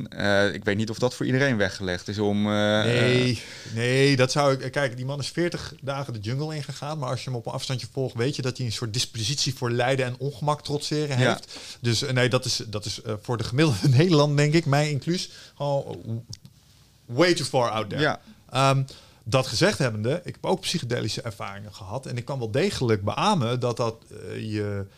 Nou, het is paradigm shifting. Ja, het, het verandert eh, op, op lange termijn en op een fundamentele manier je blik op jezelf, Ja. op je rol in de wereld, op je relatie tot de aarde en de kosmos. Hoe vaag dat ook mag klinken voor mensen die daar nog minder gevoel bij hebben misschien. Maar dat doet het echt. En dat is wel onderdeel van de shift waarin we nu zitten en die misschien ook wel voor een deel meer nodig is. En ik denk niet dat iedereen massaal psychedelica moet gebruiken, maar gewoon al- als fenomeen beschouwd zou het best wel een soort van kickstarter kunnen zijn, een versneller van deze beweging die ook op andere manieren te bereiken is. Ja, Door de natuur in te gaan, ja eh, door te mediteren, eh, ademtechnieken. Dat is allemaal manieren om in die hogere bewustzijnstaten te komen. Ja. Maar psychedelica zijn dat ook. En dat, ik, ik, ik denk dat best die discussie daarover gevoerd mag worden. En, het, en in dat opzicht eh, toch wel het meest indrukwekkend. Ik bedoel, mediteren gedaan. Ik ben bosbaden, vind ik ook fantastisch. Oh ja. Vision Quest, 24 Ja. uur bij een boom zitten. Ja, ja. Is mild psychedelisch. Ja. Maar niet te vergelijken met DMT of psilocybin. Dat nee, dat, het, het zijn veel. Het, het zet een turbo op de ervaringen die je ook op andere manieren wel kan krijgen. Ik heb wel één keer in eh, een soort meditatie, eh, in een koan-sessie. eh, waarin je soort van op zoek gaat naar je Boeddha-natuur. Klinkt heel vaag, maar je gaat dan in hele diepe lagen van je bewustzijn. En begeleid door een eh, leraar die je vragen stelt over wat je dan ziet. Dus je bent de hele tijd ook een beetje aan het praten, maar je gaat heel diep je geest in. En op een gegeven moment kom je op een plek in je geest waarin je je realiseert dat je identiteit een illusie is. Dat Hmm. als je maar diep genoeg doorkijkt in je geest, dat jezelf dan verdwijnt. Dat je de vraag wie ben ik niet meer goed kan beantwoorden. Dat je in een soort van staat van niet weten terechtkomt. En dat heeft heel veel raakvlakken met de psychedelische ervaring Mhm. voor veel mensen. Dat niet weten, het eh, inzien dat je ego, jezelf, je identiteit ook maar een laagje is in die ui van eh, je eigen bewustzijn. Eh, ik vind dat super interessant. En ik denk dat veel mensen baat hebben bij zo'n ervaring. Om dat te ervaren in plaats van alleen maar erover te horen. Ja, Dat denk ik ook. En, en ik weet dat het feit dat jij hier nu zo over spreekt, uh, en ook in je podcast en over schrijft, dat, dat zet mensen ook daadwerkelijk aan om dat te onderzoeken. Ik bedoel, uh, heel veel van de mail die wij krijgen uh, ja. gaat er, oh, waar kan ik dit doen? Ja. dus het maakt mensen heel nieuwsgierig. Ja. En wat ik ook interessant vond, um, was laatst, we hadden het even over, ik, ik had mijn vrienden weer gezien, is dat um, een aantal van mijn vrienden, um, die heeft altijd met argusoog gekeken naar het feit dat ik uh, die de ayahuasca-ceremonies ja. en wat ik er dan over vertel. Ik denk dat mijn schoonouders en mijn ouders het ook niet echt leuk Ja, maar zelfs die boys beginnen nu. Ik denk dat ik er klaar voor ben. Gewoon letterlijk, ik had er altijd een beetje vrees voor, maar ik heb het gevoel dat ik het nu aan kan of zo, of de tijd rijp is. En dan is het natuurlijk heel mooi om van een soort, uh, eh, want verhalen vertellen is tof, om dan te denken, oh, dat valt in een groot. Maar ja. ja. wellicht is er wel degelijk iets van een dergelijke. Nou, maar er is, ik, ik ben er echt van overtuigd. En uh, ik merk dat heel erg in uh, de feedback die ik krijg op mijn verhalen. Ik ben een half jaar geleden, dus midden in die coronacrisis, ook nog een andere nieuwsbrief begonnen, Transcend, over zingeving, spiritualiteit, mm. zoektocht naar uh, grotere verhalen in deze tijd, waarin er een soort van wiebeling is in het, in het dominant verhaal. Wat, is dan, wat moet dan het volgende verhaal worden? En nou ja, mijn eigen zingeving zoektocht daarin. Daar krijg ik zoveel reacties op. En uh, ook vanuit allerlei hoeken, van, van, van politiek Den Haag tot uh, mensen bij start-ups, tot gewoon vrienden. Mensen die voorheen heel gerationeel en een beetje een allergie ha hadden voor alleen al de, de term spiritualiteit staan er nu open voor. Hmm. En komen met echt de, de, de meest kwetsbare vragen naar mij toe. Terwijl ik stuur ook maar gewoon een beetje een verzameling van wat ik vind de wereld in. Maar er is een honger naar dit soort onderwerpen. En uh, ik kan me echt niet aan. Het zou kunnen dat ik in een bubbeltje zit en dat ik dat bubbeltje om mezelf ook een beetje creëer. Maar er is volgens mij een grotere honger gekomen, ook breder, naar zingevingsvragen. Naar andere manieren van kijken naar onszelf. Nee, ik durf wel te beamen dat je, dat je gelijk hebt daarin. Want ik zit ook in, in, in een soortgelijke bubbel, omringd door soortgelijke mensen. Maar ik sta ook midden in het bedrijfsleven lessen te geven. En ik heb het met IT'ers en informatieprofessionals. Wat, wat hoor jij daar bij die training? Purpose super belangrijk. Dat is, dat is het grote ding. We willen allemaal iets doen wat waarde heeft. En we snappen dat sommige van de activiteiten waar je je leven voorheen mee kon vullen, een beetje leeg en hol waren. Ja. En dat, is niet, dat voldoet niet aan wat jij heel mooi omschrijft. Dat is uit, vanuit de Stoics ook de definitie van een goed leven. Ja. Wat, wat is een goed leven dan? Nou, daar zijn mensen best wel mee bezig. En, en geld is daar niet meer het enige antwoord op, zie ik. Er zijn andere dingen die waarde hebben gekregen. En, ehm, Durf ze daarin ook fundamenteel echt dieper te gaan en consequenties te trekken uit uh, zeg maar het beantwoorden van die vragen? Want als je. Jijn. Uh, nou ja, zo, uh, om een voorbeeld te noemen, Shell. Ik weet niet of je daar ook wel eens trainingen geeft, maar mensen die bij Shell werken en die bij purpose-vragen terechtkomen, daarvan kan ik me voorstellen dat het best wel een botsing kan opleveren met gewoon de dagelijkse activiteiten die je doet. Ja. Um, en ik vraag me af, dat vraag ik me gewoon serieus af, of er al veel mensen de consequenties trekken van het dieper nadenken over purpose en een goed leven. Versus het oude systeem waar ze nog een beetje in vastzitten en misschien niet uit kunnen stappen, niet durven stappen, of een hypotheek te hebben mm. betalen. Zoals ik al zei, jijn. Um, maar dat zit hem in die kleine veranderingen die ze nu aan het implementeren zijn. Dus je kunt ook niet van ze verwachten dat ze dat meteen al 100% doen. Maar wat ik zie is. Um, bijvoorbeeld een. Uh, veel mensen willen zelfstandig ondernemen, maar het moet allemaal wel iets, iets uh, niet op geld gericht zijn. Het moet een, een mooie purpose, waarde, ja. purpose hebben. Dus dat vind ik heel belangrijk. Impact. Uh, nou, waar we net over legacy en meaning. Ja, dat is belangrijk voor ze. Ja. Um, ze proberen uh, betere keuzes te maken als het gaat om het besteden van hun geld. Dus dat wat ze verdienen met wat ze doen. Um, nou, een deel daarvan gaat nu naar het planten van bomen. Dus uh, ja. daar, daar, proberen, daar proberen we dat aan te doen. Maar de vakantie naar Mallorca of uh, misschien tot de conclusie komen dat je bij een organisatie werkt die bijdraagt aan de problemen waar je tegen afzet. En dan zeggen, hey, ja. ik zeg mijn baan hierop. Daar wordt nog wel een beetje mentale yoga beoefend. Maar dat doe ik zelf ook. Ja. Cognitief maar, ja, maar, bitch, weet je wel. Nou ja, en iedereen zit tot op zekere hoogte in een systeem. En je, iedereen is tot op zekere hoogte, denk ik, medeplichtig ook aan het systeem falen. En ik zit ook een beetje mooie praatjes te houden hier. Ik werk ook gewoon bij een krant die uh, adverteerders heeft in de fossiele industrie, die lezers heeft in de fossiele industrie, die bovendien allemaal papier bij mensen de brievenbussen induwt elke dag. Dus ja. Uh, we, uh, maar zit, er zit een niet, ontneemt je niet van je recht van spreken. Nee, er zit, maar er zit in iedereen een soort hypocrisie en er zit bij iedereen een soort terugvallen in, in gedrag en een nog gebrek aan de integratie van wat we eigenlijk vinden en wat we doen. Alleen volgens mij is het juist heel spannend om die spanning te verkennen daarin. En wel te durven uh, iets van een hogere standaard daarin te ontwaren. Van daar werken we in ieder geval naartoe. Ook vanuit het besef, daar, we gaan nooit bij het einddoel uitkomen van het uh, magische symbioseen, waarin we weer één met de paddenstoelen en het mycelium en de elfjes. Uh, who knows, man? Who knows? Maar het, het, is in ieder geval iets waar we naartoe kunnen werken. En waardoor het net iets beter wordt dan het nu is. Ja. ja ook daar denk ik trouwens, als je het over mycelium hebt, hè, dat. dat um, wat zou het toch tof zijn als we middels technologie konden ontdekken dat dat wel degelijk iets deed met een soort globaal bewustzijn, snap je? Dat je, dat je het gewoon daadwerkelijk kan aantonen. Want als het Mycelium Network vond ik echt de grootste mindfuck van twee jaar terug. Ja, als, jij, als, jij, als je hierover begint, dan kun je het werk van Paul Stamets. Ja, dan heb jij Fantastic Fungi ja, uh, gezien. En uh, hij durft het ook wel aan om uh, dat mycelium te koppelen uh, aan dat planetaire bewustzijn. Dat, ja. dat, dat mycelium, dus de, de, schimmeldraden die alles met uh, alle bomen met elkaar verbinden en die de grootste organismes ondergronds vormen en een, uh, een autonoom organisme kunnen vormen en voedingsstoffen en informatie kunnen doorgeven en misschien wel inderdaad een soort van vage vormen van bewustzijn kunnen hebben. Dat er een soort doelgerichtheid in het gedrag zit van die schimmeldraden. Ja.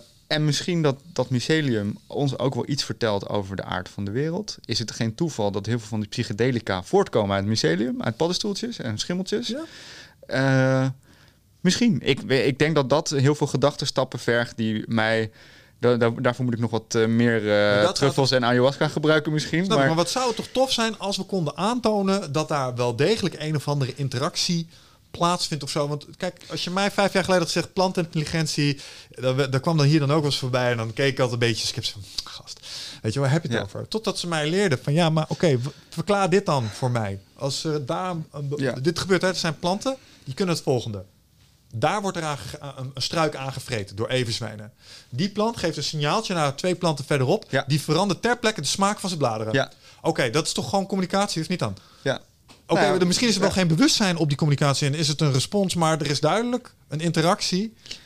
Dat vind ik dus ook het interessante aan deze tijd. Dat ook die onderwerpen ineens veel meer besproken worden. Die natuurlijke intelligentie. We, gaan, we, we zitten een beetje in een kanteling van... we denken de hele tijd over kunstmatige intelligentie... en we kijken ineens onder onze, onder onze voeten...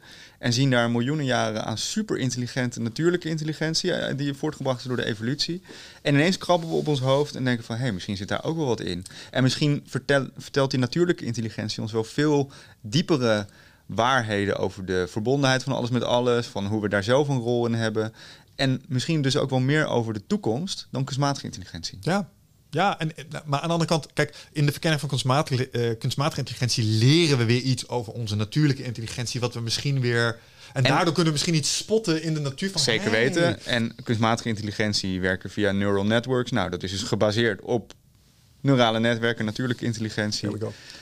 Maar goed, de, de, de, verbazing en de verwondering over natuurlijke intelligentie lijkt ook ineens weer een vlucht te nemen. Waar het blijkt uit de opkomst van het gedachtegoed van Paul Stamets, van uh, mycelium, ja. uh, uit allerlei andere dingen. Waar eh, de natuur is wonderbaarlijk intelligent en super resilient en heel uh, slim en heel verbonden met, met zichzelf en met elkaar. En we hebben de afgelopen decennia en eeuwen misschien als mensheid gedacht dat we ons daaraan konden onttrekken, dat we erboven konden gaan staan. Mm -hmm fuck you, gaat niet lukken. Nee, denk ik ook niet. Uh, en, en ik denk dat als we. Uh, en, nou, uh, ik denk dat we tot de conclusie komen dat je het eigenlijk ook niet wil. Want, want de, de, uh, ik geloof nog steeds dat wij een, een ras zijn bestemd voor de sterren. Dat, dat geloof ik echt. Ja. Maar wat, wat een terechte opmerking was uh, van, Paul, van Paul straks. Op dit moment in de menselijke geschiedenis is het nog net iets te veel als Jordan Peterson zich eigenlijk ding. Je kan niet de wereld verbeteren voordat je je kamer hebt opgeruimd. Ja, Snap je? Dus, maar dat is dus heel interessant. En ik weet dat jullie hier Jordan Peterson ook te gast hebben gehad. Uh, wat heel interessant is aan zijn manier van denken, is dat hij volgens mij vanuit een hele hoge spiraal, vanuit een hele, heel hoog bewustzijn, erop wijst dat we bepaalde lagere elementen in onze spiraal, gewoon orde en tucht, uh, regels, ons bed opmaken, dat, dat, is een, dat zijn thema's die heel erg passen bij de blauwe spiraal. Die hebben we blijkbaar als samenleving nog niet goed genoeg geïntegreerd. Hm. En je kunt niet komen naar die hogere bewustzijnsniveaus zonder dat goed te integreren. Eerst moet je orde en tucht kunnen. Daarna gaat het om competitie en vrijheid. Daarna gaat het om samenwerken hm. en uh, gemeenschapszin. En als je dat pas op een rijtje hebt, dan pas kun je opstijgen naar grotere hoogte en naar dat, naar dat hogere bewustzijn. Exact dat. Exact dat. Dus daar waar we eh, technologie kunnen gebruiken om er doorheen te brute forces, zeg maar. Ja. die, ja, die ideologie, ja, ideologie is, is echt een ideologie. Maar dat, dat, die notie, die begin ik langzaam maar zeker ook gewoon los te laten. Ik denk dat we eerst een stukje eh, ik merk ook de terughoudendheid in het, in het bezig van maar spirituele volwassenheid moeten ontwikkelen, zodat Ja. we kunnen omgaan met de shit die we hebben gemaakt. Want het, dat vind ik ook, hè. Ja. Ik, ik weet niet, technologie, mensen geven het wel, ja, maar zo van de natuur af. Ja, maar wij zijn mensen, man. Wij komen voort uit de natuur. Dus het feit dat we deze apenbreintjes dit voor elkaar hebben gekregen, Technologie is natuur. iets. Technologie is natuur. En dat bedoel ik met het proberen te integreren in plaats van te separeren.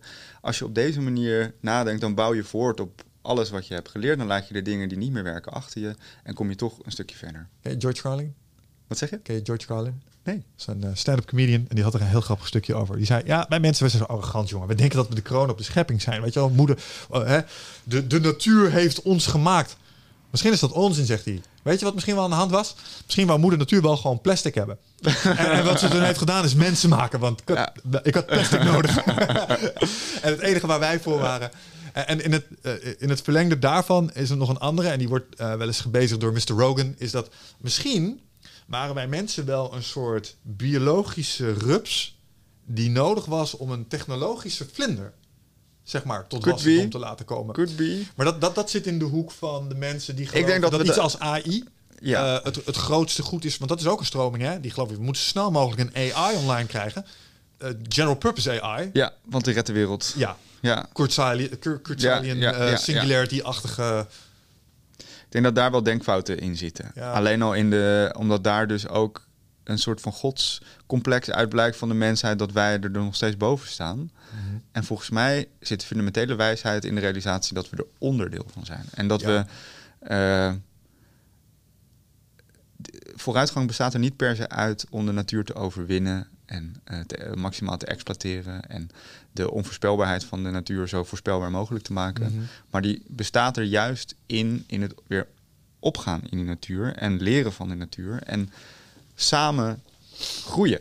En dat, het klinkt misschien vaag en zweverig, maar ik, ik geloof echt dat dat zo is. En ik geloof ook echt dat de blik de laatste tijd aan het kantelen is naar precies eh, die wijsheden. En voor de mensen die erover twijfelen van, ja, wat is dit voor een hippie bullshit? Gaan jullie ook Ja. bomen knuffelen en zo? Ik, eh, serieus, mensen die de podcast luisteren weten het. Ik heb daar echt een, een, een verandering doorgemaakt, omdat ik het aan de lijf heb ondervonden. En dat is misschien, mensen hebben het niet aan de lijve ondervonden.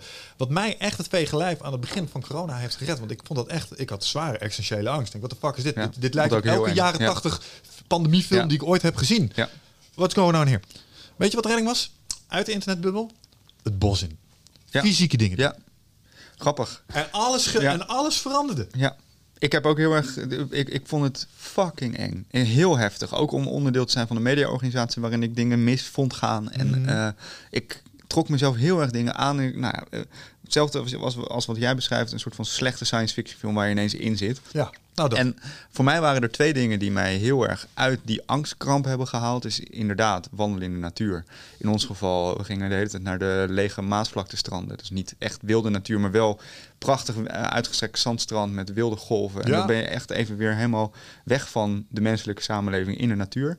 En eh me verdiepen in de stoïcijnen. In die dichotomie van controle. Dit heb ik wel... eh, dit ligt wel binnen mijn macht en dit niet. Maatregelen tegen een virus liggen niet binnen mijn macht. Eh, überhaupt het R-getal van het virus of wat, wat, hoe, hoe de samenleving hierdoor Mm. instort of niet, niet binnen mijn macht. Wat wel binnen mijn macht ligt, lief zijn voor mijn vriendin, veel tijd doorbrengen met mijn zoontje. Eh, deze tijd die ik nu binnen zit gebruiken voor, voor reflectie en spirituele groei. Nou, ik denk, dat, ik denk dat dat is wat me soort van heeft gered. En waar, waar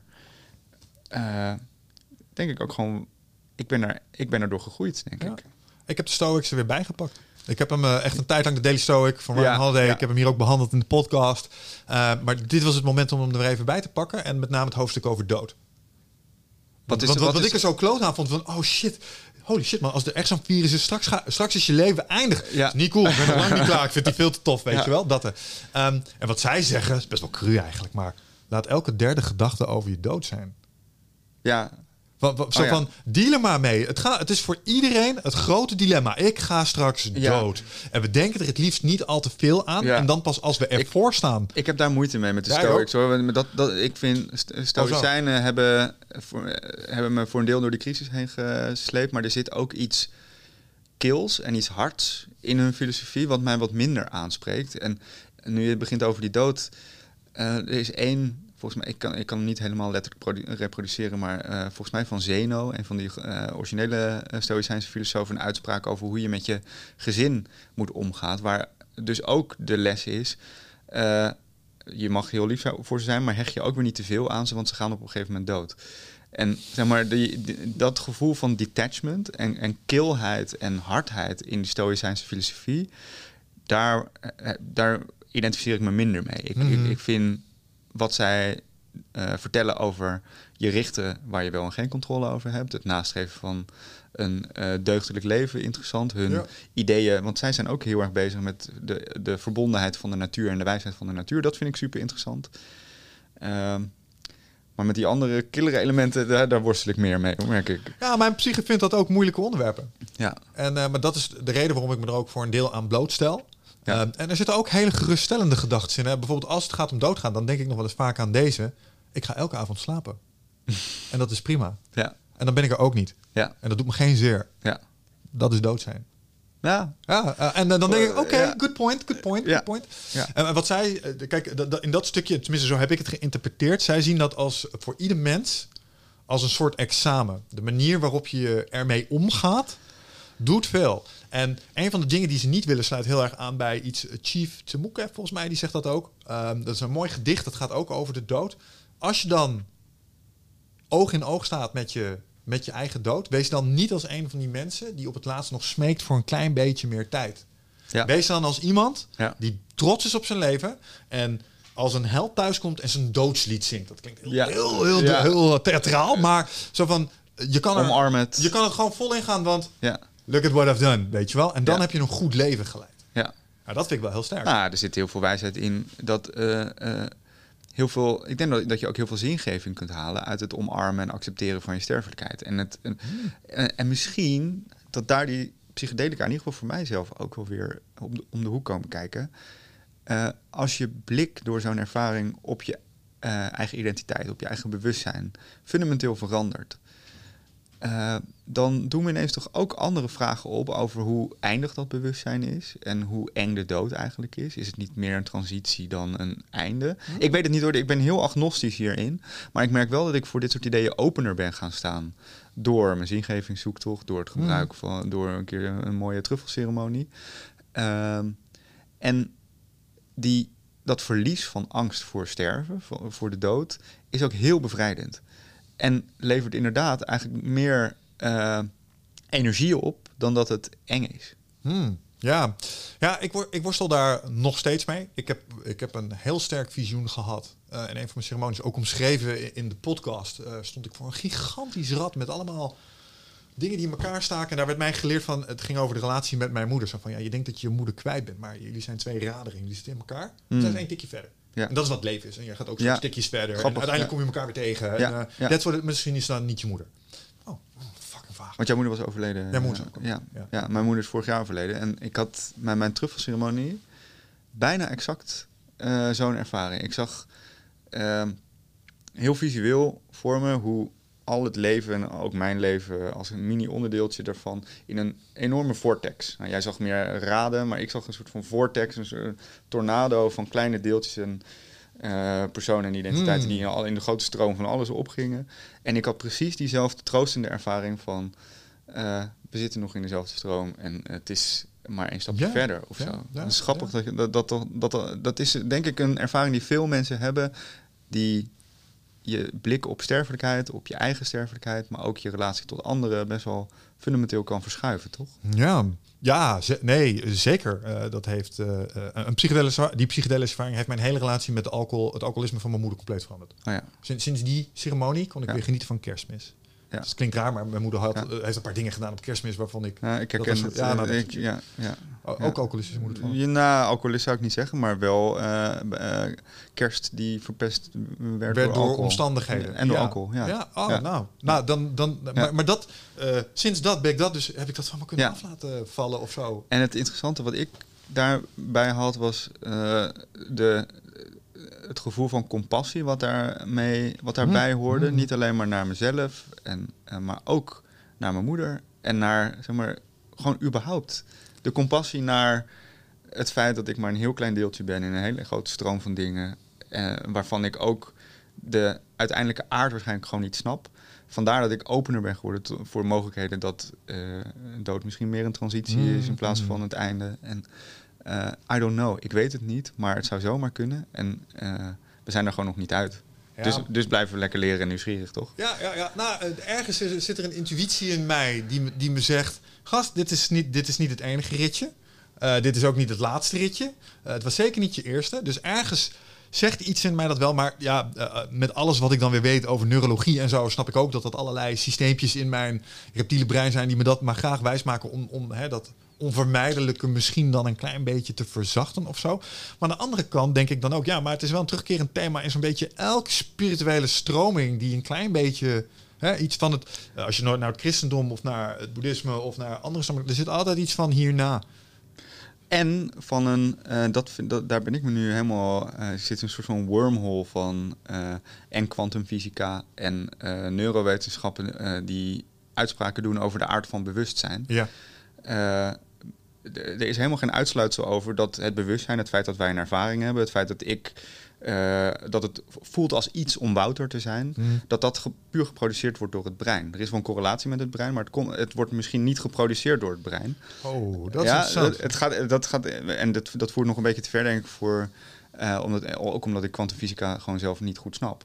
Maar er zijn Dat heel, maar er zijn heel serieus te nemen kwantumfysici die denken dat misschien bewustzijn wel een onderdeel is van de fundamentele aard van de werkelijkheid. Dat, dat de realiteit zich manifesteert in bewustzijn. Nou ja, dat gaat mijn pet te boven. Eh, Strookt wel met de psychedelische ervaring. En strookt met allerlei oude eh, tradities, zoals de Tao, zoals het Hindoeïsme, zoals het. Boeddhisme, eh, Stoa, Spinoza, wat dichter bij huis. Dus, en alleen al die vaststelling, dat is natuurlijk heel interessant, dat zowel door introspectie als door empirisch denken mensen tot eh, eenzelfde blik op de werkelijkheid komen. Wat, wat misschien wel suggereert dat die innerlijke wereld en die externe wereld ergens door verbonden zijn. Mhm. Dus, eh, snap je? Ja, ja, ja, Van, ik snap ik- helemaal wat je bedoelt. Omdat ik hier toevallig recentelijk ook een deep dive in gedaan. Maar dan aan de spirituele kant. Ik heb zo'n stapel boeken. Het Hermeticisme, de Kabbalion, eh, Sacred Geometries. Alle, alle dingetjes waarvan ik dacht, oké, dit tapt in op overtuiging. Voor mijn volgende boek wil Wat ik is dat, zeker eh, geometries? Ah, dat, dat gaat Fractals en zo. Of, ja, eh, fractals, eh, de gulden snede. Gödel, Escherbach. dat ja. er overal patronen en symbolen altijd zijn verwerkt. En dat die symbolen ergens ook weer een bijna fundamenteel psychologische weerklank hebben. Ja, Jung. Dat Ja, dus. Ja, ja. nou helemaal dat. En waar komen die archetypes dan in godsnaam weer vandaan? Ja. Ehm, dus dat vind ik fascinerend. Ja. Ehm, en, wat je daarin eh, in wordt omschreven is, als, als het gaat om, eh, het is een soort eenheid die in die bewustzijn wordt geprojecteerd, dat noemen ze de demiurge. En dat is eigenlijk het ding wat deze werkelijkheid manifesteert, maar hij, hij channelt een soort van het, het alles. Dus alle energie, die, ja, alle bewustzijn ja. die er is, Ja. wordt door een soort entiteit heen in een hologram geprojecteerd. Dat is deze werkelijkheid. Ja. En, en er zijn dus duizenden jaren geleden al mensen bezig geweest met... De, en ik wat, het, wat, het gevaar, wat het gevaar hiervan is, en daarom ben ik vrij strikt agnost hierin. Het is heel. Het appelleert heel erg aan oergevoelens en soms een beetje aan wensdenken dat je wil dat dit zo is. Tuurlijk. Ik wil ook dat ik onderdeel ben van een grote stroom waar en, mijn- en mijn moeder misschien dat het, dat, het niet, dat het een transitie is en niet het einde. Eh, we willen dat er iets verbindends is in deze kille, harde, eh, afgescheiden wereld. Zeker. Dus er zit wensdenken in. En de, de, de uitspraken waar, die wij nu zelf ook doen, zijn bijna per definitie onbewijsbaar. Maar wat ik super interessant vind, is dat dit gedachtegoed. eh, zowel in de knalharde kwantumfysica eh, in opkomst is, in de neurowetenschappen, al een hele tijd in de filosofie. En dat er ineens ook verbindingen blijken tussen die nieuwe wetenschappen en de oude kennis. Eh, waardoor ik ook nog word gesterkt in mijn idee dat er iets aan het verschuiven is, waardoor er een soort opening is naar hogere bewustzijnsniveaus en anders kijken naar onszelf en de wereld en, en klimaatverandering en alle problemen waar we nu in zitten. Ja, ja. eh, Kijk, eh, eh, eh, het klinkt, als je het hebt over zo'n demigurge, hè, dat, dat, dat, dat is sprookjes, dat is fantasy, weet Ja. je wel. Ehm, maar tegelijkertijd, ehm, als we het dan zouden interpreteren eh, conform hoe iemand die misschien nog niet precies weet wat een hologram is, dat zou omschrijven, dan kom je net in de buurt. Maar als jij iets dieper duikt in kwantummechanica, het holografisch universum en zo, die komen eigenlijk tot soort, soortgelijke uitspraken. Hè? Dus, die, die hologram Ja. die hier wordt gegenereerd, we weten niet helemaal precies hoe dat maar zit. alleen al, alleen al het verschijnsel dat eh aan psychedelica, daar zijn ze weer, eh, heel veel mensen fractals zien, geometrische Mhm. patronen. En fractals die zitten in sneeuwvlokjes, die zitten in slakkenhuizen, eh, die zitten in de synapsen in je brein, die zitten in bomen. Fractals zitten in de manier waarop sterrenstelsels geformeerd zijn. Zeg maar, in de hele natuur, van, van het allerkleinste tot het allergrootste, komen fractals voor. Waarom is dat? Geen idee. Heeft dat misschien iets te maken met hoe bewustzijn eh, wordt Ah, gekanaliseerd of, of, of functioneert? Daar zijn ook hele interessante natuurkundigen met dat soort vragen bezig. En alleen al het feit dat dat zo is, dat er wonderbaarlijke echt en prachtige patronen voorkomen overal in de natuur, die je ook nog ziet als je in andere bewustzijnsstaten komt via eh, psychedelica of meditatie of bijna doodervaringen. Mhm. Hoe kan dat? Alleen al zeg maar die verwondering daarover en de tekortkomingen van veel van de huidige wetenschap om daar goede antwoorden op te, te produceren, dat zou toch tot nieuwsgierigheid en vrolijkheid Ja. en, en, en, en, en hele gave dingen moeten leiden en niet tot eh, eh, zorgen en boosheid en cynisme. Nee, maar ik denk dat dat ook wel... Dat, dat is gaande, die beweging Precies. waar je het over hebt. Want het Ja. feit dat jij en ik het in deze podcast erover hebben... en dat iemand die... ehm, eh, nou ja, je bent eh, journalist voor het NRC. Dat is een, eh, een, een Meneer de krant. Eh, Ja. Dat is een hele krant, dat is een functie met aanzien. Dan moet je, wel, eh, moet je ze wel op een rijtje hebben, anders kom je daar niet. En het feit dat jij hierover durft te praten nu, dat is Ik merk dat wel is dat het een beetje taboe is hoor. Nee, en, sure, ik weet- maar- en, en eh, zeker, eh, wij gaan hierin denk ik intuïtief eh, nu ook het gesprek over aan. En het zou best kunnen dat ik eh, daarin niet helemaal precies redeneer. Maar ik vind dat niet erg, omdat ik ook maar aan het verkennen ben en die vragen stel. Eh, en ik merk dat hoe... Tijdje geleden was het taboe erger.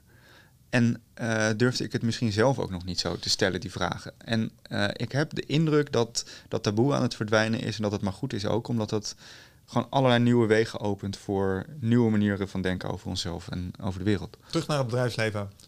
Toen ik begon met trainingen geven, Ja, ja, nou, net na mijn eh, eerste ceremonie, je weet misschien hoe je dan bent, dan, dan, dan loop je er een beetje van over. En toen kwam het een keer in een training ter sprake. En toen wa- waren de mensen die, eh de een met name zegt, nou, ik vind het wel heel wat dat je dat in een training zo vertelt. Je kan toch niet zomaar mensen aanmoedigen tot eh, drugs? Ja. Weet je wel? Dat is niet wat ik zeg hier. En dan, en dan leg je Ja. dat uit. Maar nu, nu beginnen ze er zelf over in de training. ja. Snap je? Ja, nou, ik, heb, daar- ik heb een ceremonie gepland staan. Ik hoorde via je podcast dat jij daar ook wel eens wat mee gedaan hebt. Ja. Heb je nog tips? Ja, nou ja, loslaten. Maar eh, het enige wat ik je echt kan vertellen. ja. Maar dus, en daarmee zie je ook dat er een soort eh, eh, verandering... het zou ook een bias kunnen zijn, omdat misschien inmiddels mensen op me afkomen die iets meer van me Tuurlijk, weten. dat- en, dat- maar maar dat- toch. Ik denk ook dat er zit een soort selectiebias in, in onze bubbels. En het heeft misschien ook iets elitairs. En als, eh, nou ja, daar kun je wel ook wel kritisch eh, over zijn in die hele beweging rondom psychedelica. Is dat, dat dat ook steeds meer corporate aan het worden is. Dat er steeds meer geprofessionaliseerde retreat aanbieders voor tienduizenden euro's soms hele eh, uitgebreide ayahuasca of truffel of Ja. dingen aanbieden, waardoor iets wat zo natuurlijk is en iets wat dus heel erg al, ook al eeuwen, millennia onderdeel is van de menselijke ervaring, ingebed in goede ceremonies en in religieuze Mhm. praktijken, dat dat nu wordt gecommercialiseerd op een manier die heel erg past bij het oude denken. ja. Eh, heel gelikt, heel erg gericht op eh, winnen, persoonlijke groei, eh, volgende stadia bereiken. Dat is denk ik belangrijk, maar dat is wel een, een valkuil van, van deze ja, beweging. maar dat is het mooie van het goedje. Laat ze maar komen om die reden. Ja, dat moeder, fair de, moeder leert het, ze- zeg maar, Ja. dat klinkt super zweverig, hè, maar Ja. ik denk dat, dat, dat, dat, wat het ook maar is, eh, wat wordt aangeraakt, zal je daar wel tot andere inzichten inbrengen. Ja. Want ik herken dat ook wel. Ik dacht, ah, dan gaan we next level, misschien worden we wel een Ja. tovenaar, weet je wel. Nee man, je gaat gewoon aan het werk met je moeders trauma, weet je wel. Hier zo. Dit is hoe het voelt om een vers- alcoholverslaafde te zijn. Ja. Oh, oké. Weet je wel? Dus nee, het, het zet je toch wel aan het werk op de onderdelen die je nodig hebt. En misschien was je intentie om daar te komen wel oud systeem. Maar je gaat er veranderd van. Je komt er veranderd Ja, uit. dat zou kunnen. Dat het, dat, dat, eh, eh, tegelijkertijd, wat, wat, wat we uit wetenschap weten over psychedelica, is dat set en setting super belangrijk Ja, zijn. 100%. En dat als je dus met een mindset eh, zo'n trip aangaat die niet zuiver is, of die toch te veel leunt op het oude systeem, dat dat ook de ervaring wel stuurt. En eh, misschien dat het spul zo krachtig is dat het daar dwars doorheen beukt. Maar als je massaal met verkeerde intenties deze krachtige middelen gaat zitten gebruiken en eh, zonder de wijsheid te integreren uh, die erbij hoort, Ja, uh, hoeft het niet per se tot goede dingen te leiden. helemaal, nee, echt helemaal mee eens. Als jij eh, denkt van, ah, klinkt goed, ayahuasca, ik ga naar mijn lokale smart shop en ik ga nu thuis ga ik eh, zo'n Icaro playlistje opzetten zo, Ja. Eh, want ik ga miljonair worden. Dan kon je wel eens een hele beroerde avond eh, tegemoet gaan. Dus Ja, eh, doe dat vooral met mensen die weten wat ze doen, die je kunnen helpen. Een sitter, super cruciaal. Nou, ik heb ook echt onder professionele begeleiding Ja. zo'n truffel. En daar ben ik super blij mee. Om, eh, het, het, het is geen snoepgoed. Het zijn geen speeltjes. Wat, wat zou je hiervan vinden? Als je dergelijke interventies, zonder afbreuk te doen aan de integriteit van de behandelaars, misschien wel een, eh, eh, door zorgverzekeraars als een oprechte behandelmethodiek Ja, in de en- maatschappij. En ik, ik denk dat er heel veel voor te zeggen is dat ehm, bepaalde psychedelische middelen, en met name psilocybine, dus het is een werkzame stof in paddo's en truffels, hoef ik jou niet Mhm. te vertellen, eh, dat dat meetbare effecten heeft op depressie, posttraumatische stress, verslavingen. Eh, dat het middelen zijn die daar heel goed voor kunnen werken. En dat het dus volstrekt logisch zou zijn als het onderzoek daarnaar wat opener nog zou worden dan het nu al aan het worden is. Ja. Eh, en daar zie je misschien ook wel die fundamentele systeembotsing. Het huidige systeem, in ieder geval binnen de farmacie, is er toch op gericht om mensen langdurig medicijnen te verkopen. Eh, met deze middelen kan je bij, met een paar sessies ben je van al je problemen af. Ja, Oké, maar hier komt dan de truc. Als je het dan over anders denken hebt, je moet die gasten, ja, eh, dus als je het medische sector hebt, misschien kunnen we ze wel slim eh, een verandering laten realiseren. Want weet je wie ook Big Pharma is een grote speler. Weet je Ja. wie groot zijn? De zorgverzekeraars. Want die betalen Big Pharma. En als die gasten naar kijken, Maar misschien heb je die hele structuur en dat oude systeem hiervoor dus niet nodig. En, en zit, zit de kracht van deze beweging veel meer in de onderstroom dan in die bovenstroom. Die onderstroom is al aan kracht aan het winnen. Eh, nou ja, Nederland is wat dat betreft hebben een beetje de boot gemist op het gebied van het commercialiseren van het spul. Maar het is heel breed en beschikbaar. We hebben op elke straathoek in, Sure. eh, in, zit een smartshop waar je truffels kunt krijgen. Niet, dat- nogmaals, niet dat iedereen dat nu de straat op moet gaan rennen om dat te doen. Maar er is een beweging gaande die op, op het moment dat je dat op een verstandige manier doet, al heel veel kracht heeft. En dan heb je die hele stomme zorgverzekeraars en stomme Big Pharma Ah, niet zo- nodig. ja, oké. ja, ik, ik denk even anders. Ik dacht van, hey, als ik dit nou evidence-based... Hè, want er zijn bedrijven die zijn hiermee bezig. Die zijn data, aan het- die kunnen laten zien... dit Ja. maakt een angststoornis minder. Ja. Dit helpt met verslavingsproblematiek. Dit vermindert depressies. Onder voorwaarden, hè? dat is wel belangrijk. Het is niet een soort Niet altijd, niet voor iedereen, Ja, maar ja. eh, het heeft wel degelijk dergelijke... eh, En het heeft ook risico's voor als je psychotisch bent. Dus het is allemaal dat is waar. wel, en dat is echt belangrijk om, ook in dit soort gesprekken, waar, waar, andere, waar veel andere mensen naar luisteren, het, ook dit is een complex geheel. Dit is, het is ingewikkeld spul, het is superkrachtig, maar de beloftes zijn evident. En als je die beloftes wat beter zou benutten, dan zou je, ik denk dat dat zou helpen om mensen Ja. sneller en beter en geïntegreerder naar hogere bewustzijnsniveaus te krijgen. en je moet het ook respecteren, net wat je zegt. Eh, en dat is gelukkig, ehm, tenminste in alle settings waar ik het heb gezien en meegemaakt, wordt dat gelukkig ook heel goed gedaan. En bijvoorbeeld ehm, de risico's worden van tevoren goed aangegeven. Ja. Je krijgt hele lijsten met dingen die je maar beter eventjes niet kan eh, consumeren. Eh, heb jij iets van een eh, MRSI die je consumeert? Sorry, maar dan is dit niet voor jou, weet je wel. Want dan, ja, dan moet je dat Maar dit eerst is- echt afbouwen.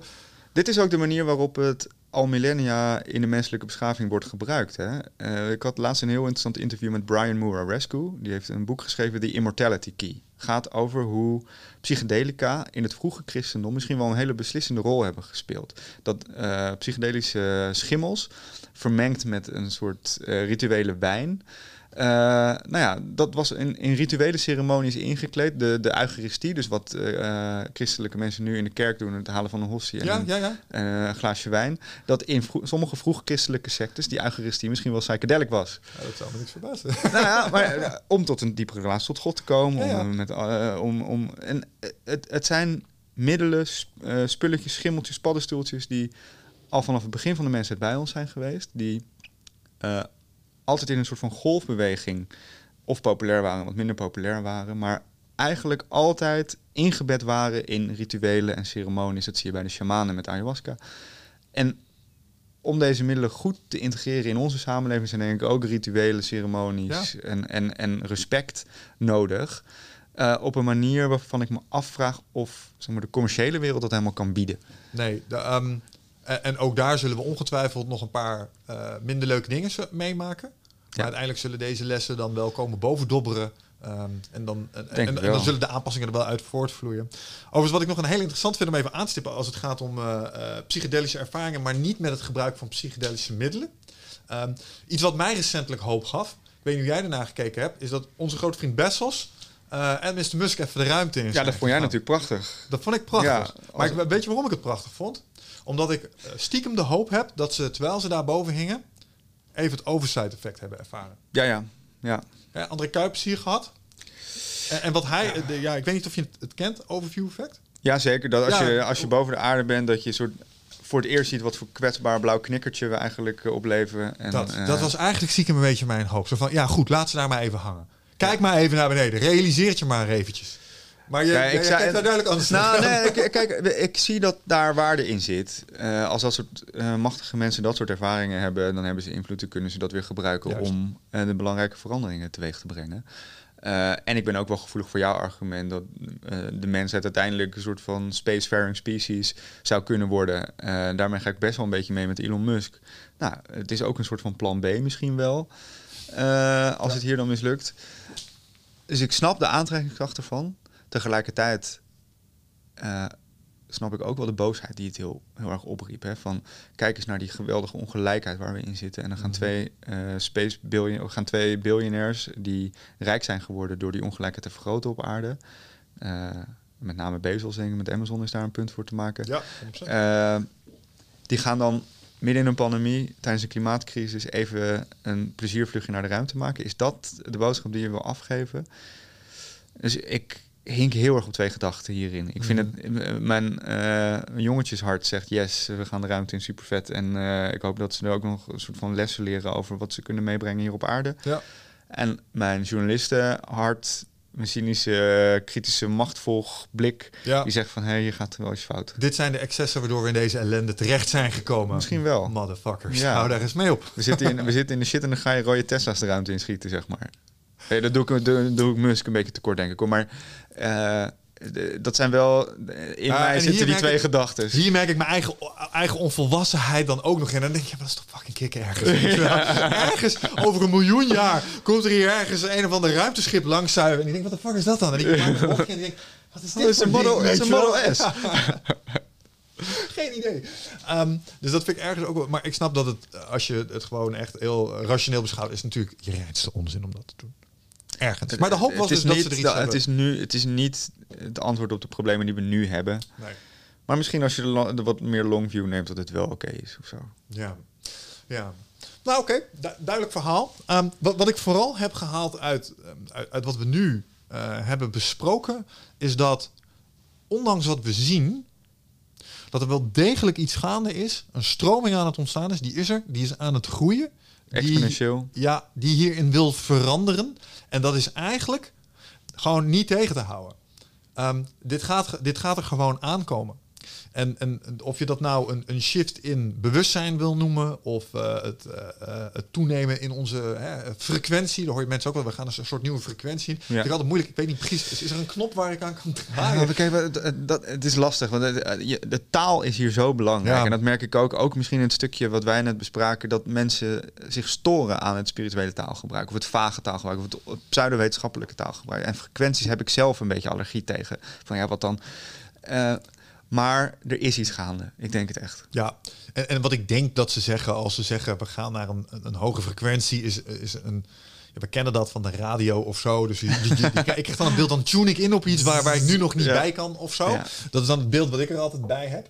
Maar aan de andere kant, het principe van, eh, van, van vibratie. eh, Absoluut. komt ook weer terug in allerlei. Absoluut. Ergens is, valt er ook wel iets voor te zeggen, want ik voel me soms echt heel positief. En ik kan me voorstellen als je dat hoge frequentie noemt. En ik voel me soms ook echt grimmig en duister. En als je me En er, dan zit- kruist. en er dan- zitten bepaalde frequenties in, bepaalde hersengolven. En Dus de frequenties spelen een rol in de aard van de realiteit, Ja. in de aard van ons bewustzijn. Dat, is, dat is, staat volgens mij redelijk onomstotelijk vast. ja. Dus misschien moet ik er ook niet te aller, allergisch voor zijn. Alleen wat bij dit soort dingen vaak, als het de grens overgaat van het onmeetbare, dan vermengt zich heel veel wensdenken met werkelijkheid. En wensdenken plus werkelijkheid kan ook heel veel bullshit opleveren. En, En- daar moet je altijd voor Nou oppassen. ja, denk dat, dat kost dus. ehm, ehm, dat kost een stukje eh, credibility. Uh, als het te, te, te woe-woe. En Ja. je kan met kwantummechanica kan je allerlei eh, hele fantastische... Manif- gaan manifesteren nu. Ja, bullshit. Ja. Weet je wel, alsjeblieft ga niet dat soort dingen aanhalen om nu, want da- daarmee ondermijn je eh, het hele verhaal. Ik weet trouwens niet of het bullshit is, maar het, is, het, is, het gaat vaak de grens over van wat ik nog heel geloofwaardig vind en wat in ieder geval toetsbaar is. En als je, daar, als je die brug over gaat, dan verlies je je eigen brugfunctie misschien ook een beetje. Ja, en ja, exact. Nee, maar bijvoorbeeld als het dan om kwantummechanica gaat, je kent misschien wel de double slit experiment. Hè? Ja. Dan, dan, dan kijk je ernaar en dan heeft het een ander gedrag als dat je wegkijkt. En, en dan gaan mensen zeggen, zie je wel, bewustzijn, is waarneming. Ja, en dat doet iets met dat, experiment hoor. Ja, oké, maar dan komt Neil deGrasse Tyson om de bocht zeilen en zegt, weet je wat dat is? Dat zijn de knikkers van de fotonen die die dingen eruit stuiteren. Nou, da- daar, daar is geen, eh, geen consensus over. Nou, volgens Oké, check. Dan is er misschien Ja. voortschrijdend inzicht op dat onderdeel. Ja. Want ik ben ook geen kwantummechanica eh, specialist. Maar ik weet wel dat als ik dan, eh, eh, als het dan wordt ingezet als een mechanisme om bewustzijn heeft invloed op de werkelijkheid. En daarmee kan je andere reality shiften en zo. Ah, en dan wordt ik- dit mechanisme in Volgens mij, is- volgens mij is de jury echt stil out op dit soort vragen. En is dat de interessante vaststelling? De jury is out. We weten het niet. En er zijn heel serieus te nemen kwantumfysici en andere denkers die dit als eh, volstrekt plausibele optie opperen. En dat botst toch al met hoe we zijn opgevoed, in welk wereldbeeld, in welk systeem wij zijn groot geworden. En die opening naar dat soort ideeën, of het nou in die zin klopt, of dat double slit experiment nou de werkelijkheid eh, meer laat zien, of dat een fenomeen als kwantumverstrengeling, waarin twee deeltjes aan elkaar Ja. verstrengeld zijn, lichtjaren ver weg, in wat dan? Wat is die, dan- wat, die verbinding is dus niet materieel. Is het bewustzijn? I don't know. Het is allemaal, een, me- een of ander andere medium waar we inderdaad nog niet zoveel we van weten het niet. Eh, en multiverse theory. Zou Ook nog zo eentje van kwantummechanica. er gaan allemaal luikjes in mijn hoofd open. Fantastisch. En volgens mij is het bij heel veel mensen aan het gebeuren. Ja, ja, super interessant. Ik denk trouw- trouwens in dat opzicht dat, eh, weer een referentie, maar ehm, iets wat me dat echt een beetje beter heeft laten snappen, was een tekenfilmserie Rick and Morty. Ik weet niet Ken ik niet. kent. Ja, ja, ik Zou, heb wel heel veel ook over kwantummechanica, multi, Wow. multiverses. En, Een eh, heftige dat- tekenfilm. ja, is een hele heftige tekenfilm. Is ook een beetje nihilistisch. Maar, eh, maar wel met een dikke knipoog. Nou, die is echt heel leuk. En die gaat veel over dit soort thema's ook. Dus eh, vandaar, is een absolute, absolute aanrader. Maar wat je zegt is, ehm, er is een soort collectieve, tenminste bij, bij ons in het Westen, ik weet niet of hoe, dit, hoe waar dit is in China en hoe waar dit is in Mm, ja, Pakistan, maar een soort vraag, ja. paradigm shift gaande. En eh, in het momentum daarvan zouden we nog wel eens een aantal cruciale veranderingen nu kunnen gaan implementeren, doorvoeren, die ervoor gaan zorgen dat we het hier als mensheid toch minder slecht gaan krijgen, als dat we het zouden krijgen als we nu op dezelfde voet door zouden gaan. Maar dat, eh, eh, als, als de oude oplossingen niet meer werken, dan moet je dus gaan kijken naar nieuwe oplossingen. En ik deel je optimisme waar, waar je mee begon over de mensheid. Ja. Ook op zich wel. We zijn ontzettend veerkrachtige, innovatieve soort. We moeten gewoon nieuwe eh, oplossingen bedenken en nieuwe tools Ja, creëren voor onszelf om weer de wereld ietsjes eh, beter achter te laten in plaats van alleen maar te exploiteren. Ja, en voor mensen die daarover twijfelen, jongen, kijk eens hoe snel dat ging met corona. Kijk eens hoe snel die anderhalve meter erin zat bij, Ja. bij het merendeel van de mensen. Dan, dan is anderhalve meter niet, niet leuk. Maar het was een gedragsverandering waarvan Ja. we even dachten, deze doet iets goeds. Kun je daar achteraf nog allerlei dingen van vinden? Ik denk wel dat je daar dus zag dat het een gedragsverandering van bovenaf opgelegd was. En die kan heel snel gaan, maar die reduceert vaak de werkelijkheid ook tot één simpele Hmm. eh, ja, variabele. oké, dat is wel een goed punt. Eh, terwijl de diepe verandering die gaande is, is niet van bovenaf controleren en zeggen: jij moet anderhalve meter afstand of een mondkapje of het R-getal nee, onder de één. ja. Is organischer vanuit die natuurlijke intelligentie, bottom-up, in nieuwe organisatiemodellen, van crypto's tot psychedelics tot nieuwe bewustzijnsniveaus. Eens, En ja. van, van onderaf, vanuit het mycelium van de samenleving, is iets aan het opborrelen. En dat is denk ik veel krachtiger dan dat beheersende. Ja, en, en daar ben ik het 100% mee eens. En dat is ook de weg om te bewandelen. Maar wat het me wel liet zien, was dat Ja. ik, ik ben heel adaptief in mijn hoofd. Want wat ik vooral aan het begin van de pandemie merk, zat ik naar oude films te kijken. Jullie staan, eh, de- jullie staan veel te dicht op elkaar, weet je wel. Iets in mij Ja, had dat heel ja. makkelijk overgenomen, Ja. geïntegreerd en projecteerde dat ineens Klopt. naar buiten van, hey, hey. En, en, maar tegelijkertijd denk ik ook dat, het, dat we het even makkelijk weer dat stukje dan eh, weer zullen ontleren straks. En weer ons comfortabeler zullen voelen in mekaars eh, buurt.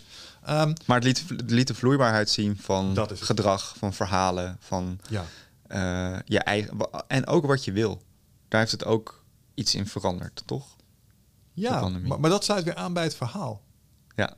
Dat slaat aan bij het verhaal wat ik over mezelf aan het vertellen ben. En, en ik hoop dat wat we nu doormaken met elkaar, dat iedereen nu daar zijn. Ja, ik ben heel erg gecharmeerd van de monomythe. De, de, de, ja, als de monomythe is de klassieke heldenreis. Als je het nou hebt over jong archetypes, de basissymbolen Ja, die overal en altijd terugkomen. De hero. The Hero's Journey.